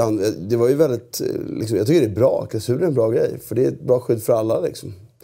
Mm. Klubben värdesätter, får ett värde när de skriver kontrakt med en spelare. Att det har skrivit femårsavtal. Eh, visar sig sen att den, den, spelaren går otroligt bra, mycket bättre nu och utvecklingen. Sitter han inte fast i ett avtal som är underbetalt, för det är en kortare idrottskarriär. Då kan han använda det. Ja, men vet du vad, ni får höja min lön med det här och det här. Mot att då klausulen, priset i klausulen går upp. Mm. Säger de nej till det så, så är klausulen väldigt aptitlig för andra. Alltså det, det blir liksom en hävstång för eh, bra fin uppvägning mot långa kontrakt tycker jag, för spelarnas skull. Mm. Eh, och går det andra hållet, går det dåligt så, så är, då är den ju obetydlig oavsett. Liksom. Mm. Ja, så är det. Um, det, det, blir ju som alltid en väldigt spännande sommar och uh, den klubben som verkligen fått nytt liv är ju, är ju Arsenal. Och, och se vad, vad, vad, som händer där. Vad, vad tänker du kring uh, Arsenal, Christian? Det, det är ju liksom... Det, man går in med nya ögon in i det här Arsenal. Liksom vad man ska förvänta sig. De tidigare säsongerna så har man ju Eh, jag vet inte om du håller med mig, men då har åtminstone jag varit lite så här, jag har nästan varit ointresserad av Arsenals transferfönster för man vet hur det kommer falla ut. Det kommer inte hända någonting. Det händer någonting som är lite halvljummet och så vet man att ja, men det kommer bli en, en ganska eh, ljummen säsong också. Och nu på något sätt så bygger, nu är det en ny väg här. Ja, men så är det ju med alla tränarutnämningar på eh, en viss nivå, eller, på eller kanske på alla nivåer. Att vad får den nya tränaren för effekt på, på din, din förmåga och din, alltså din attraktionskraft som klubb? Vill man komma till dig? Arsenal har ju haft en lång period nu av att, som jag uppfattar det i alla fall, där spelare har undvikit att, att komma till Wengers Arsenal. Mm. Eh, och det är ju, om, om, Arsenal bara kan eliminera den grejen rakt av, det, det får vi se om, om Emerys attraktionskraft, hur stark den är. Eh, det, det, jag ropar inte hej än på något sätt, utan det där vill jag se sitta. Mm. Eh, och det är precis samma situation egentligen, eller inte precis samma situation, men det, det går att jämföra med den situationen vi har i, i Napoli med, med Sarri out och Ancelotti in. Vad betyder Ancelotti för förmågan att kunna värva spelare som då faktiskt väljer att tacka ja? Eh, kommer en ny kaliber av spelare vilja komma till klubben? Det, det är liksom det det handlar om. Och med det sagt om Arsenal så tittar vi ju på Patrick Vieira nu. Som ju, det, det är jag helt övertygad om att väldigt många Arsenal-supportrar gör. Se vad han... Vi var ju många som kunde tänka oss honom redan nu, även om vi visste att det var en chansning. Och nu hamnar han någon annanstans. Betyder det att han taktar ur och försvinner ur Arsenal-universumet? Eller, eller han kanske ska ersätta Guardiola när han slutar i City. Det går ju att argumentera för det. Va? Men jag tror att många tittar väldigt mycket på, på Emery men väldigt många, eh, precis lika många tittar på vad som händer med Vieira. Mm. Och sen har vi Liverpool där eh, Fekirs övergång eh, kollapsade. Vad det nu berodde på, om det var läkarundersökning eller om det var annat. Eh, vad, ska, vad ska Liverpool rikta in sig på den här sommaren tycker du? Martin? Ja, målvakt är inte klart ännu till exempel. Nej. Där snackas det om Alisson. Ja, det är ju en väldigt bra målvakt dessutom. Nej, men det, och det har vi varit inne på tidigare, att det spelar ingen roll om, om Karius är bra eller dålig på lång sikt. Just nu är det för, mycket, det är för negativt laddat. Så det vore ett tjänstefel att gå in i säsongen med de två målvakter de har nu. För det, det skulle bli ifrågasatt så snabbt. Det skulle bli en väldigt ogynnsam arbetsmiljö för alla inblandade. Så det, det måste ja. de göra, nummer ett. Men är det inte mycket prat om att Leno är klar faktiskt? Jag tycker jag det är mycket prat om allt möjligt. Dag efter dag efter dag på ett mm. sätt som, ja. ja. Förr eller senare får vi se och det är därför liksom, någon säger Lena, någon säger det. Jag, jag låter det bero tills det har skett. Liksom. Eh, men det behöver de förstärka med. Målvakt behöver de få in. Och, och, sen tycker jag de behöver förstärka sin backlinje. Jag, jag tycker ändå, även om Matip kommer tillbaka nu för skada, så där skulle man vilja se ett alternativ till... Eh, jag litar inte på Matip och Lovren som alternativ riktigt. Nej. Eh, men och sen behöver man få in lite spelskickliga mittfältare och det får man ju redan. Så att det, mm. det är mycket som ser rätt bra ut för Liverpool. Måste säga. Jag hoppas nu att, att läxan från förra året blir att det är viktigt att adressera saker. Det får kosta pengar helt enkelt. För vad var alternativkostnaden mot att man inte hade det på plats förra året? Man gjorde inte målvaktsvärvning som alla skrek om inför säsongen. Man köpte en mittback i januari istället. Det var ett halvår man tappade där. Och det, det... Han blev lite extra dyr också. Ja, det, förmodligen blev han ju dyrare. Ja. Vi vet ju inte exakt vilka pengar det var inför säsongen. Men det är rimligt att tro att priset gick upp på mittbacken om de ska handla. Men det är också det som måste bli läxan då för Liverpool. Att okej, okay, det måste få kosta vissa saker. För utrymmet finns ju ekonomiskt att göra det. Liksom. Mm. Och gör det i tid. Därför att vad är priset på andra sidan ett år till som är borttappat eh, i ligan? Eller borttappat är det ju inte, men det är ju ändå ett slagläge för, för att kunna vinna ligan tycker jag. Jag kan känna att de hade nog mått ganska bra att få in ännu ett ytterbacksalternativ också. Alltså Robertson och Alexander Arnold har varit fantastiska den här säsongen men det är fortfarande deras första säsong. Liksom. Man vet inte riktigt hur det kommer att se ut andra. Och de kan, med tufft spelschema och sånt där. Ja, det finns en Joe Gomez också men det kan vara bra med någon mer rutinerad, liksom erfaren ytterback. Kanske kan ta båda positionerna där som kan liksom avlasta dem tror jag. Att det skulle kunna vara ganska klokt. Ja, det är ju inte fel. Nu är jag ju en eh, så här, ytterbackspositionen är för mig, det är de två minst viktiga. Liksom. Där kan du spela ganska mycket spelare på. Det viktiga är centrallinjen den är inte Liverpool tycker jag stark nog. Nu kommer Keita in. Eh, är han så bra som man tror att det ska vara? Det ser väldigt bra ut. någon bättre passningsspelare skulle man vilja ha också kanske. Då.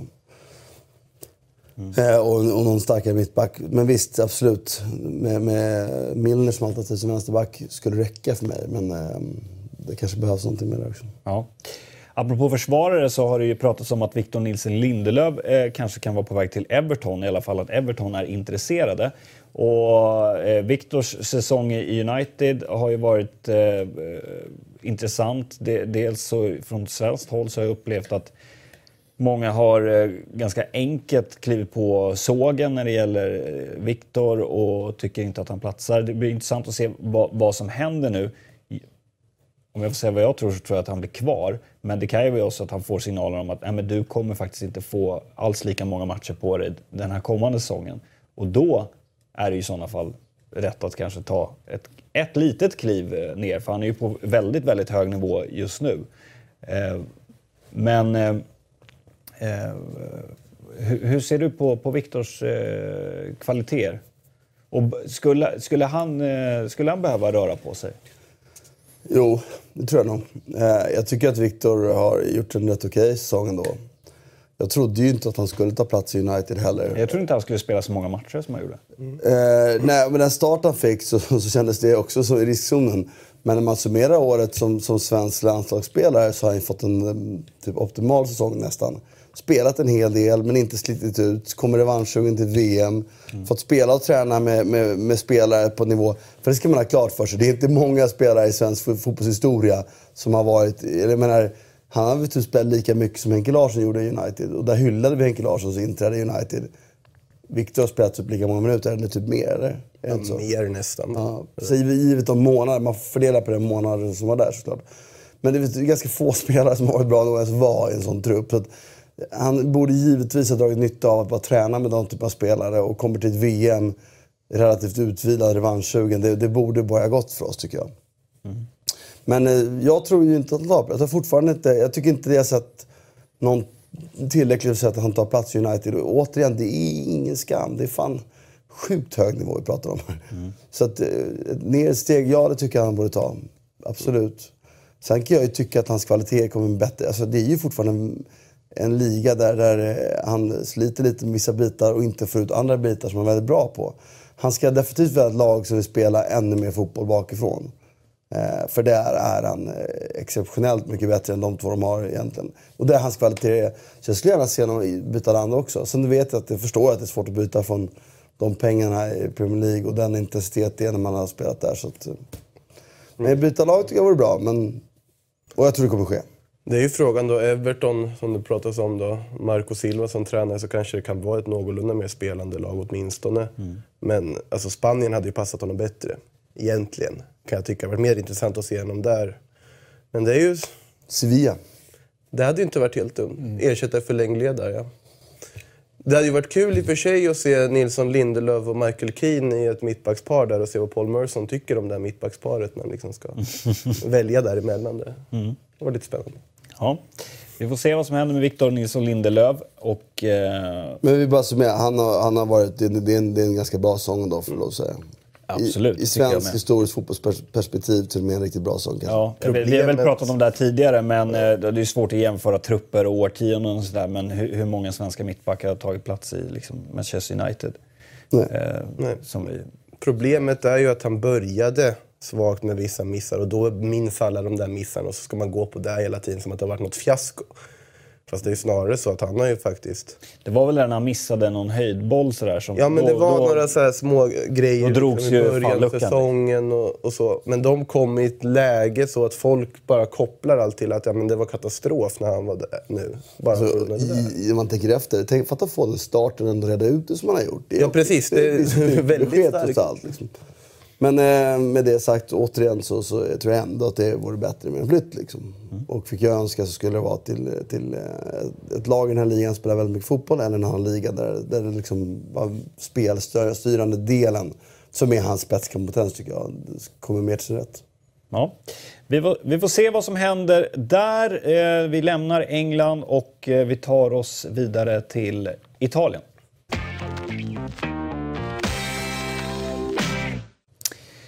Där vi haft en säsong med eh, VAR som vi har pratat om så mycket eh, senaste eh, åren, eller på att säga.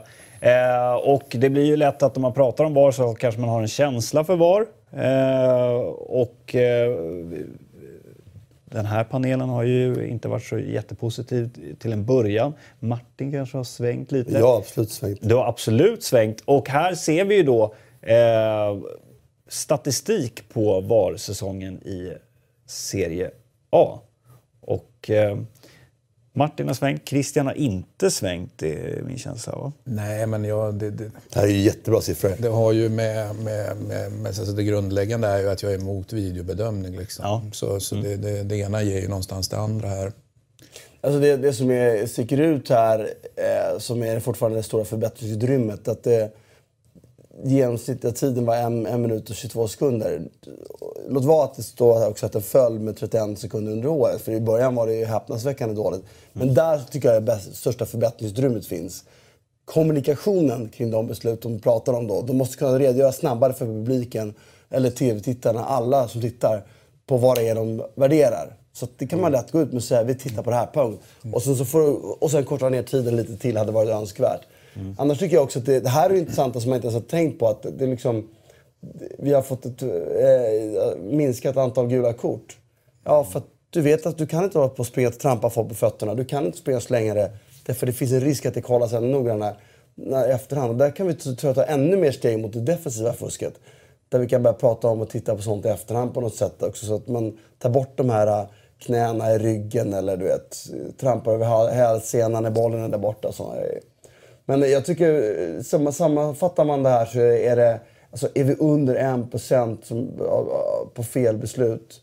Eh, det är bättre än så, det, det är bättre än vad jag trodde det skulle bli. Och att jaga 0% det, det tycker jag är meningslöst. Att ligga under ett, jätte, jättebra. Jag är faktiskt överraskad att det har gått så bra som det har gjort, måste säga. Det här är ju väldigt positivt. Ja, och det, men det är ändå där förbättringsutrymmet är det som störst tycker jag. Mm. Jag tycker inte om, då sitter jag ju ändå och sitter och kommenterar ofta och har reprisbilder. Så jag kan ju ana vad de mer värderar. Men att sitta på läktaren där och inte ha en aning. Det, där, det kan inte vara så jävla svårt efter 15 sekunder att säga vi tittar på om bollen var inne eller om det var en, om situationen var utanför. Namnge det på något sätt. Så publiken liksom slipper sitta i den här ovissheten. En minut och 20 sekunder i ovisshet i ett sånt läge. Det är jävligt lång tid. Det är jävligt kort tid i livet såklart, men just då, den här, det 10 sekunder är lång tid nästan i sånt läge. Men kan man inte ta liksom, titta på amerikansk fotboll där de har högtalare liksom säger ah, det gör det här eller så. Det borde väl inte vara så svårt att införa något liknande sånt när han gör den här VAR-signalen typ. Nu tittar vi på om det är straff. Och sen så går de och tittar. Ja, och man behöver inte ens gå så, kanske inte ens behöva vara så detaljerad som jag var nu, utan bara Nej, någon men- form av ja. kommunikation där liksom. Mm. Så att, eh, men eh, nej, ja, jag, tycker att, jag tycker också det är så att VAR i andra ligor, att Serie A, eh, andra så, cupfinalen i Tyskland var det väl, och någon match jag sett i andra, andra sammanhang, så tycker jag Serie A känns klarat sig bättre med det här än andra ligor. St- Stort test för VAR blir ju såklart VM nu. Om det, om det här blir, eh, alltså om det blir en VAR-krasch. Det finns ju de som pratar om att fan shit, det här kommer gå åt helvete. Den risken finns. Eh, inte, jag tror inte på konsekvenserna som du, du, du är ute efter. Men det- men- VAR-krasch, absolut. Det blir, det blir väldigt spännande att se för det här var ju någonstans är ju en väg framåt och den är fantastisk. Du nya underbara värld. Eh, vi, får- vi får se hur, hur Jag kan tänka mig att det, det eh, kommer ta lite längre tid med besluten än kanske 30 sekunder i VM. Ja, du kommer ju dessutom ha väldigt många domare som inte har jobbat med systemet dag ut och dag in som man kanske har gjort i. Italien. Och där kommer det ju bli något annat. Alltså jag tror absolut att det finns risk för VAR-krasch i VM och, och problem med det. Men jag, jag tror inte att det ändrar utgången av att vi går mot VAR. Liksom, ändå.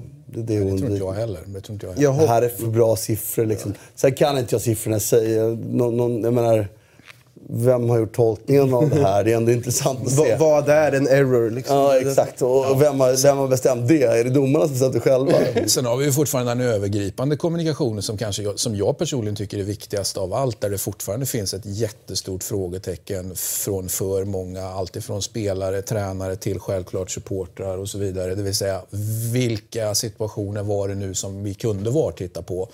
Den diskussionen är ju varenda omgång så finns det ett frågetecken och det har ju under, under resans gång, i Italien i alla fall, då har ju tränare efter tränare efter tränare kritiserat att det är, de uppfattar att det är oklart. Det kanske inte eh, liksom, domarna tycker att, de kanske tycker att det är skitklart. Men när du har tränare som inte liksom är med på vad man får titta på eller vad man bör titta på, då är det klart att det finns ett problem. Jag har inte hört alla de fallen, men en del av de där fallen så, ja, nej, det är klart för förhand vad man får kolla på och inte kolla på. Det är tränarna många, många, många gånger som inte haft koll faktiskt. Ja, nej, men det har ju varit allt ifrån alltså Allegri har varit ute, de jag minns spontant, Allegri, Donadoni, Simone Inzaghi, bara för att ta några som har kritiserat. Och så går det såklart inte att ha det. För jag menar, och då har ju de ändå gnuggats. De, det är klart att tränarna har specialgnuggats inför. inför Tydligen inte de nog. Tydligen inte tillräckligt, nej. Men jag, jag, tror att, jag tror jag håller med att, att, det, att det har inte varit helt... Jag, jag tror inte heller att det var lätt att förutse vilka man skulle välja. Jag tycker att det har man slirat lite på det där under året. När man har valt att kolla och inte kolla. Eh, och, men det är väl också en, en träningssak, utgår jag ifrån. Precis som med alla nya regler så blir det ju en... Det är ju ett glapp. Det är ju faktiskt förvånansvärt hur dålig man var på reglerna man spelade. För det fanns ju ett konsensus man förhöll sig till mer än vad själva regelboken sa. Liksom. Mm. Eh, ska man säga att, att det är ganska få också som jag spelat med som har någon form av juridisk kompetens som förstår vikten av att hålla sig till en viss regel. Hur fel den är så måste man följa regeln. Så det fanns en diskrepans där också när man spelar såklart. Men jag tror att det du pratar om kommer att eh, liksom, självmant rätta ut sig lite över tid när det liksom blir implementerat. När man, det blir klarare för en vad, vad man är granskar och inte granskar. Och jag har läst vad man granskar och inte granskar. Jag kan det fortfarande inte utan till. Nej, men jag sitter här också och är, men jag, jag- jag vet inte. Jag har ingen aning. Men, Men det finns, det finns tydligt klargjort vad man ska kolla på. Eh, Även om, även om hur klar, tydligt klargjort det än är så finns det alltid gråzoner även där. Och det är klart att det blir alltid glapp. Alltså, och om, vi älskar gråzonerna. gråzoner är vackert. Eh, om man tittar på, det kommer ju till La Liga nästa år. Om jag får se de här siffrorna i Spanien efter säsong, nästa säsong så är jag ju väldigt nöjd. Det är ett drömscenario, måste jag säga. Sett till de farhågor jag har för hur det kommer se ut. Ja. Om vi tittar på eh, Mercaton då i Italien.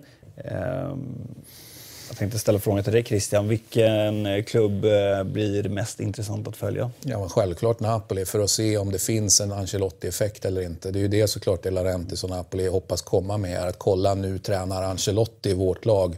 Då ska du komma för då vet du att eh, du har ett, ett snäpp uppåt. Det är såklart Napolis version av det här. Vi har, vi har skruvat på tränarpositionen och det finns inget, eh, vi kommer att använda spelarna på ett annat sätt i truppen, rotera mer. Det är såklart Napolis argument. Om spelarna går på det, en viss eh, annan typ av spelare, kanske spelare som Ancelotti har haft tidigare, väljer att, väljer att ansluta. Det, det är väl möjligt att det är så. Det var, det var ju, om man jämför med när, när Benitez kom, ja då var det en del Benitez-spelare som anslöt. Sarri, ja, han kom ju från helt andra omständigheter, men lik förbannat så anslöt spelare. Det vill säga Hysaj till exempel och, och, och eh, Mario Rui kom ju lite senare och, och Valdi Fiori. Så att, alltså, varje tränare tar ju med sig egna spelare in i laget och det är klart att Ancelotti kommer göra det också. Frågan är om de kommer vara en nivå uppåt då. Det är såklart det som Napoli tror. Så det är ju den i särklass mest intressanta Mercaton. Och sen Juventus tycker jag, återigen då, det, det, det är ett rimligt antagande att man ska dippa efter de framgångarna man har haft, i alla fall på hemmaplan. Alltså,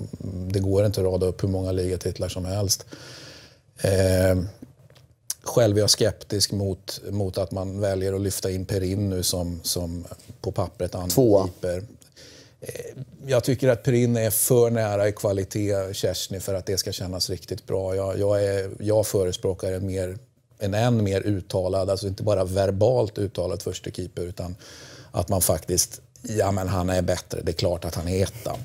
Sen kommer det komma perioder när andra keepern eh, får, får rycka in och det kommer vara jättebra. Men Perin är, tycker jag, lite för nära i kvalitet för att, eh, för att det där ser riktigt bra ut.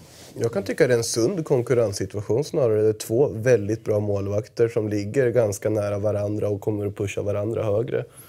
Jag tror att... Jag, tror, det kan bli, jag tror det kan bli bra. Ja, jag tror inte Jag måste, jag måste säga på, på Napoli, här, jag håller ju med Christian om att, att nu förväntar jag mig inte att Simone Verdi skriver på för Napoli i sommar. Utan nu förväntar jag mig att det kommer en Vidal-typ. Liksom. Nu ska det vara ett namn här. Precis som du är inne på, Benitez lyfter ju faktiskt nivån av spelare. Och det, frukten av det, av Benitez inträde, skördade även Sarri. För han hade andra spelartyper att spela med än de du nämner. För de du nämner är ju spelare som är, det kan Napoli alltid plocka. Liksom. Jo, absolut. Där var det tränargärningen som lyfte spelarna. Nu förväntar jag mig att, att Ancelotti ska lyfta in. För om inte han gör det så... så Så behöver han inte vara där. nej, det är lite så man känner nästan. Då, då blir det spännande att följa på andra sätt. Så tycker jag ju Roma ska bli kul att följa. För att, Monchi är redan igång. Det är Exakt. ju fyra affärer Exakt. som Det är sitter ganska redan. intressant Eller om det är tre. Det finns ett här- Kluivert-frågetecken tror jag. Jag vet inte om det är officiellt. Men sen Ja, men, och det är också, jag... Han har ju fått ett utrymme nu. Sabatini ska vi hylla för att han lyckades balansera eh, plus minus eh, liksom, siffrorna hela tiden. Sålde dyrt. Och vi kritiserade lite det att han var så trigger happy. Men tittar man tillbaka, det var ju så han skaffade sig utrymmet för att få klubben att växa. Liksom. Det gjorde Sabatini väldigt bra. Nu är Monchi en annan sits. Han kan faktiskt välja nu och, och växla upp det här. Och det, det är första gången jag ser Monchi med de resurser. För det hade han inte i Valencia heller, eller i Sevilla heller. Så det blir spännande för det. Sen tycker jag ju Inter. Som faktiskt har... Jag menar, vi såg en senast idag var det en gång. Men liksom, Inter är ju mycket rikare klubb än vad Napoli. Inter ska upp på, kan upp på Juventus nivåer. De kan göra några stora grejer. Sen vet inte jag om jag tror på Sparetti. Men faller det väl ut där så är det liksom... Det finns en exponentiell kurva där som är lite brantare än Napolis. Liksom. Så det där är mina liksom, fyra. Och sen Milan såklart då, men... eh, ju det är ju fortfarande oklart vad det, som Det är man ju händer. mer intresserad av hur Ja. den finansiella situationen ska lösas som vad truppen funkar. Liksom. Men jag tycker det häftigaste av ändå att se det är ju... Jag är fortfarande helt säker på att Juve kommer gå på Milinkovic Savic här. De kommer att försöka honom. Frågan är vad Juventus är beredda att offra för att gå på Milinkovic Savic. Vad, vad kan man tänka sig? Det är liksom onödigt att egentligen ens nämna Rugani som en del av en affär för att det är så otroligt mycket mera pengar. Men är man till exempel så sugna på Milinkovic Savic att man faktiskt kan tänka sig att släppa Pjanic till Barcelona bara för att göra den jämförelsen. Var, går, vad, vad kommer Juventus vara, var beredda att offra på, på det altare som är Milinkovic Savic? Det tycker jag ändå är det häftigaste att se. Och jag hoppas att de, att, de, att de vill offra mycket på det. Och jag tror att de vill offra mycket på det altaret. Och om det ens räcker. Eftersom det finns en del andra räcker det? stora spelare. Den är, den är, den är jävligt häftig. För det är ju så att Milinkovic Savic är ju den en, det är ju liksom, Om vi ska bara prata en spelare så ska vi prata Milinkovic Savic. Han är ju sensationellt eh, häftig på den här Mercaton oavsett var han landar i slutändan. Det är ju få klubbar också som alltid, åtminstone i min åsikt, agerar så pass klokt och lugnt som Juventus gör. Alltså, man gör inget förhastat. De vet precis vad de håller på med i varenda fönster. Och typ, när man säkrar Emre Can nu precis tidigare, en kvalitetsspelare de får in, liksom, perfekt truppspelare. Matuidi när de säkrade honom för x antal år sedan till exempel också. Och så om man, ska, om man verkligen vill ha Milinkovic Savic så då kommer man ju säkert gå all in. Men man kommer ju inte dumdistrit gå all in. För det är ju inte liksom Juventus sätt att göra det Jag på. tror inte att han har Juventus. Jag tror inte att de kan konkurrera heller. Nej, jag tror att han blir för dyr. de, de, de behöver, det, behöver bli dumdistrit för att de ska kunna Ja, men lite, jag kan konkurrensen. också dra den slutsatsen faktiskt. Ja. Kanske hamnar han i Real Madrid istället som det har pratats om. Eh, vi ska ta oss vidare och prata lite Spanien.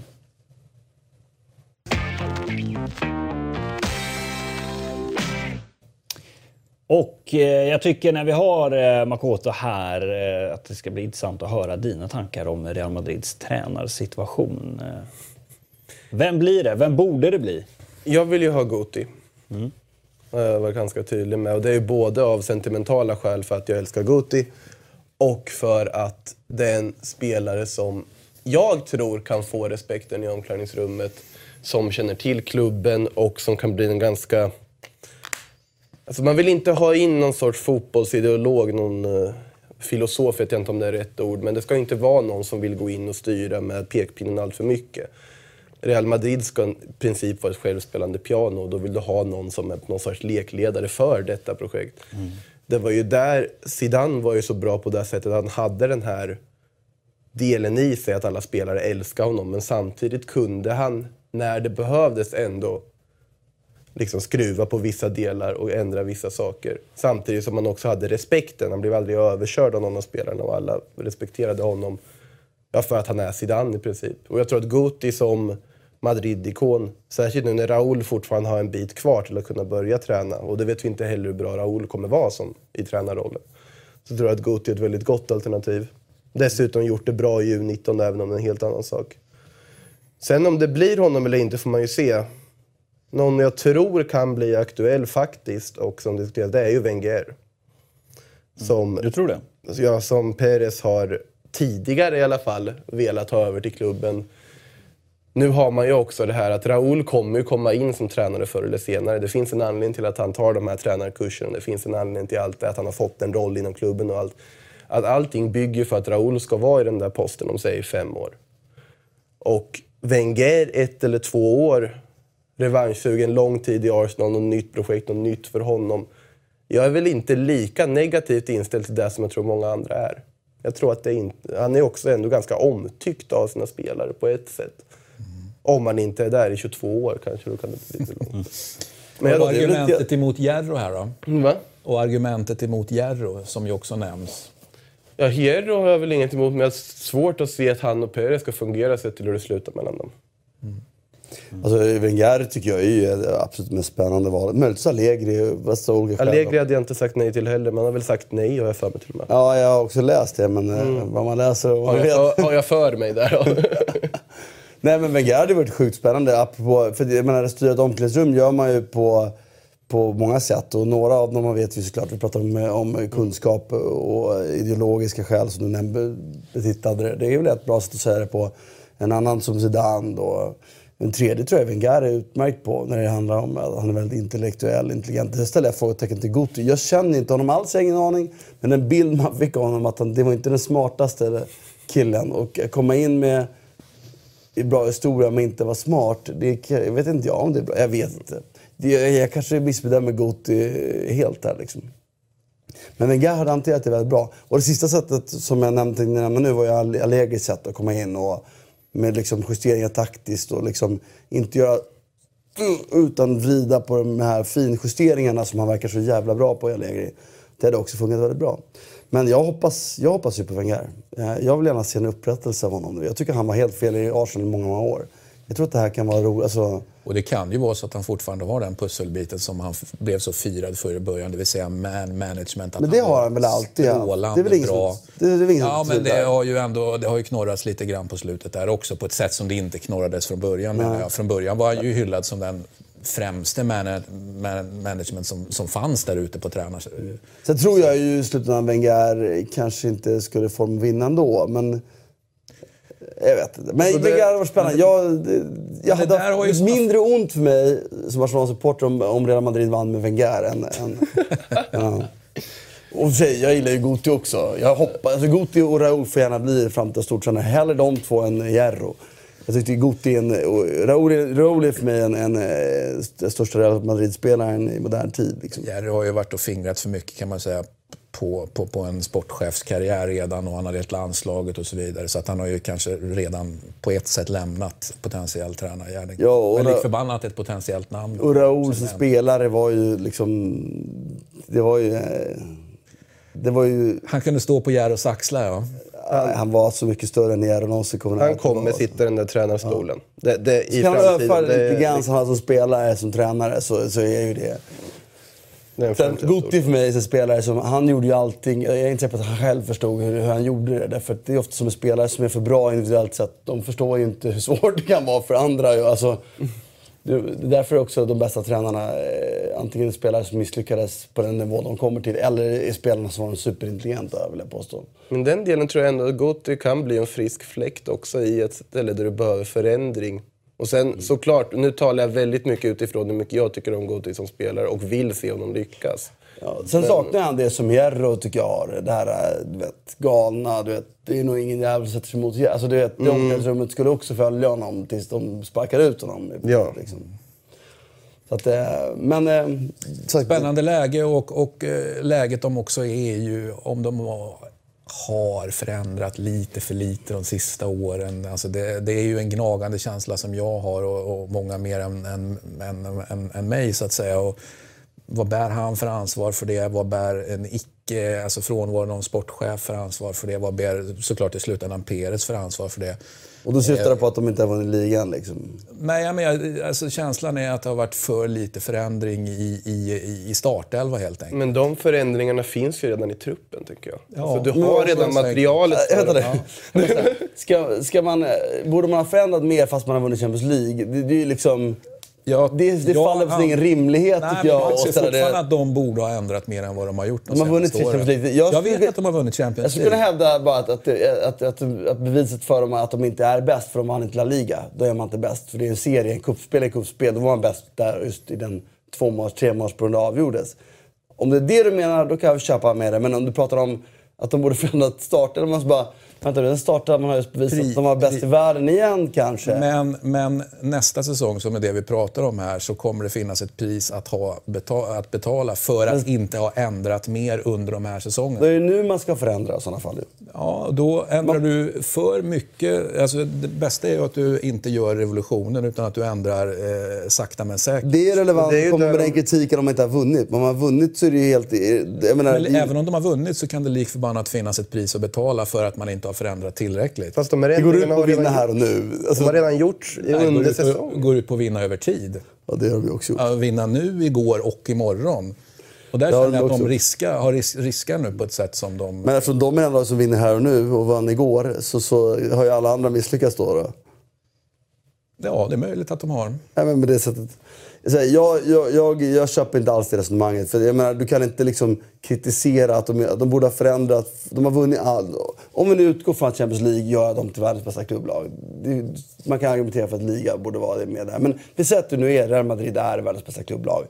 Att de inte har förändrat sin startelva för att de ska kunna vinna nästa år, när de just vann i år. Det tycker jag är en hypotes som är extremt teoretisk. Jag tycker att den är extremt självklar. Jag tycker det helt, den, är, den faller på sin egen orimlighet tycker jag. Men, ja. Nej, nej. Man får tycka olika. Alltså, superrimlig säger jag. Men alltså de har ju redan på ett sätt förändrat med att om man tittar i ligan. Du har Asensio, du har Kovacic, du har Isco, du har liksom... Ja, Vallejo har inte varit jättebra, Nath. Det finns spelarmaterial, det finns folk som kommer uppifrån som kan ta större roller. Typ, jag vill ju se en Kovacic som får väldigt mycket mer speltid än vad han fått. Jag vill se en Asensio som får väldigt mycket mer speltid än vad han kanske har fått. Och de här förändringarna finns där. Trixa på lite med någon extra värvning eller två. Vill där, du se Neymar? Ja, det hade man väl inte sagt nej till. Sen får väl frågan vad det skulle kosta. Men det är ju en fruktansvärt bra fotbollsspelare, det är inte att snacka om. Neymar, Milinkovic Savic in och Ronaldo och Kovacic ut. Kovacic till Juve. Kommer Ronaldo vara kvar? Jag får se att han inte är det ändå. Alltså... Jag har svårt att se att han skulle gå någon annanstans än typ bestämmer sig för att han flyttar hem till United.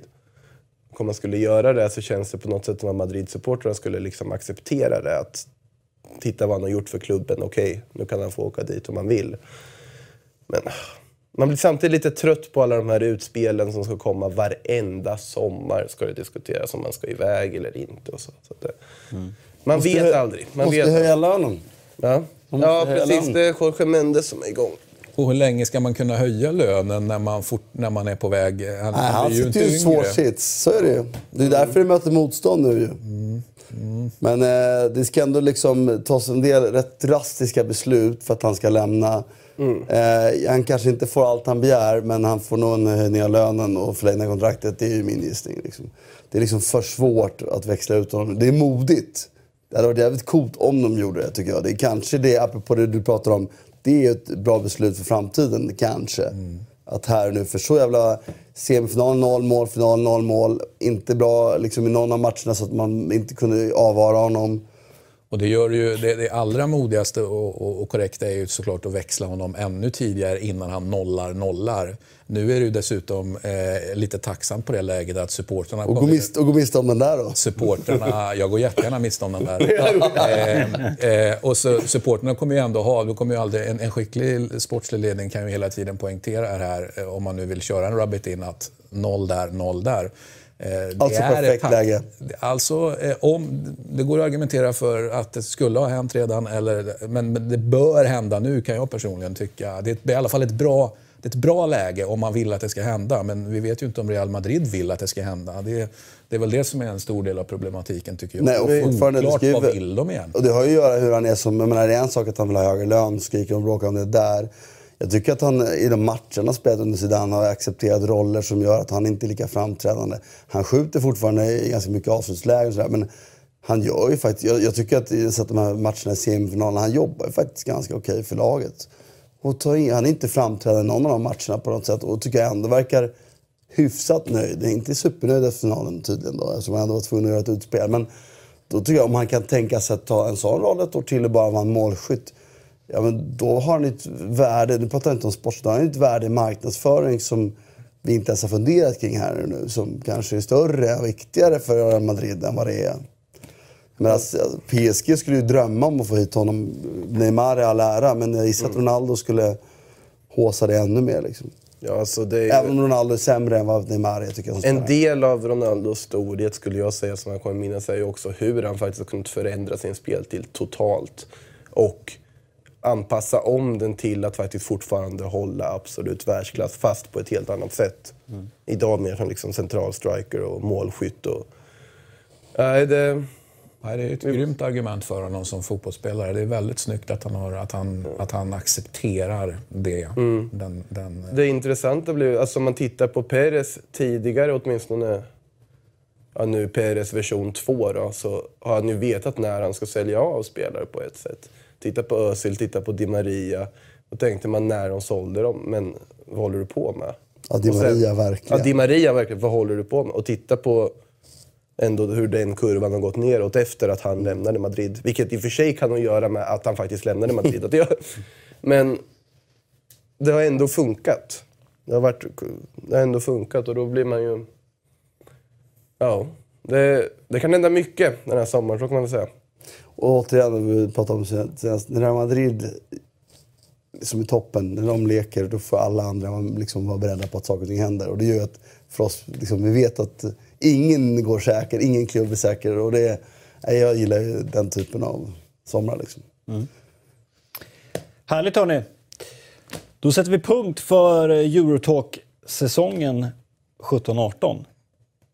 Hur har den varit Christian? den har väl varit bra, tycker jag. Eh, Sätta den i perspektiv är jag inte, är jag inte riktigt redo att göra, men jag tycker Nej. vi håller en, en, eh, vi har en väldigt hög lägstanivå som gör att vi sopar hem den här ligatiteln hela tiden. Härligt! Ja. Det får... Den bästa någonsin, kanske. Kanske. kanske. Vi får se.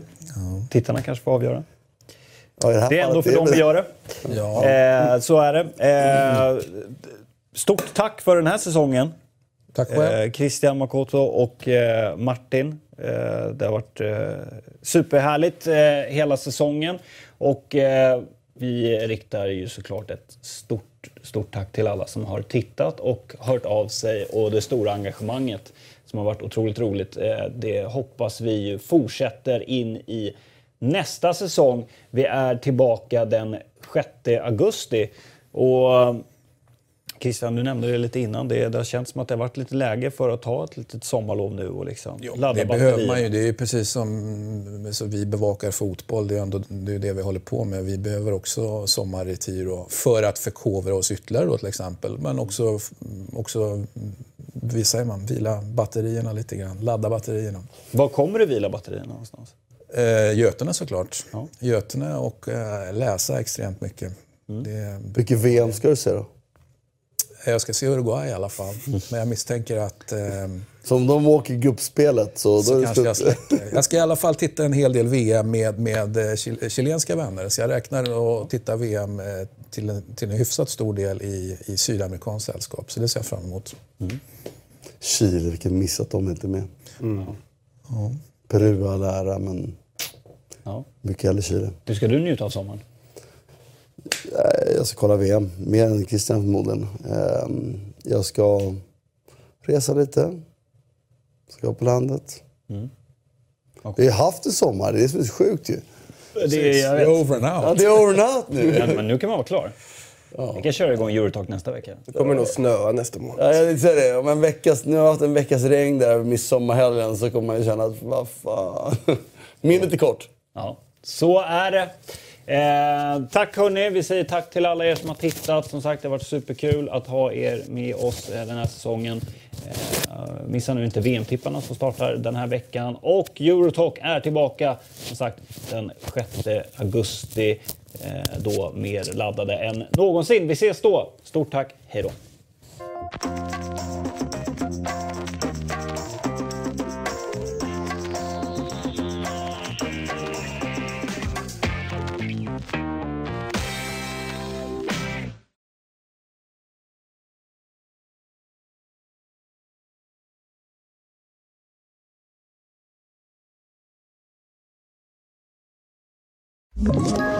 Ett poddtips från Podplay. I podden Något Kaiko garanterar östgötarna Brutti och jag, Davva, dig en stor dos skratt. Där följer jag pladask för köttätandet igen. Man är lite som en jävla vampyr. Man har fått lite blodsmak och då måste man ha mer. Udda spaningar, fängslande anekdoter och en och annan arg rant. Jag måste ha mitt kaffe på morgonen för annars är jag ingen trevlig människa. Då är du ingen trevlig människa, punkt. Något Kaiko, hör du på Podplay. Därför är gardinerna.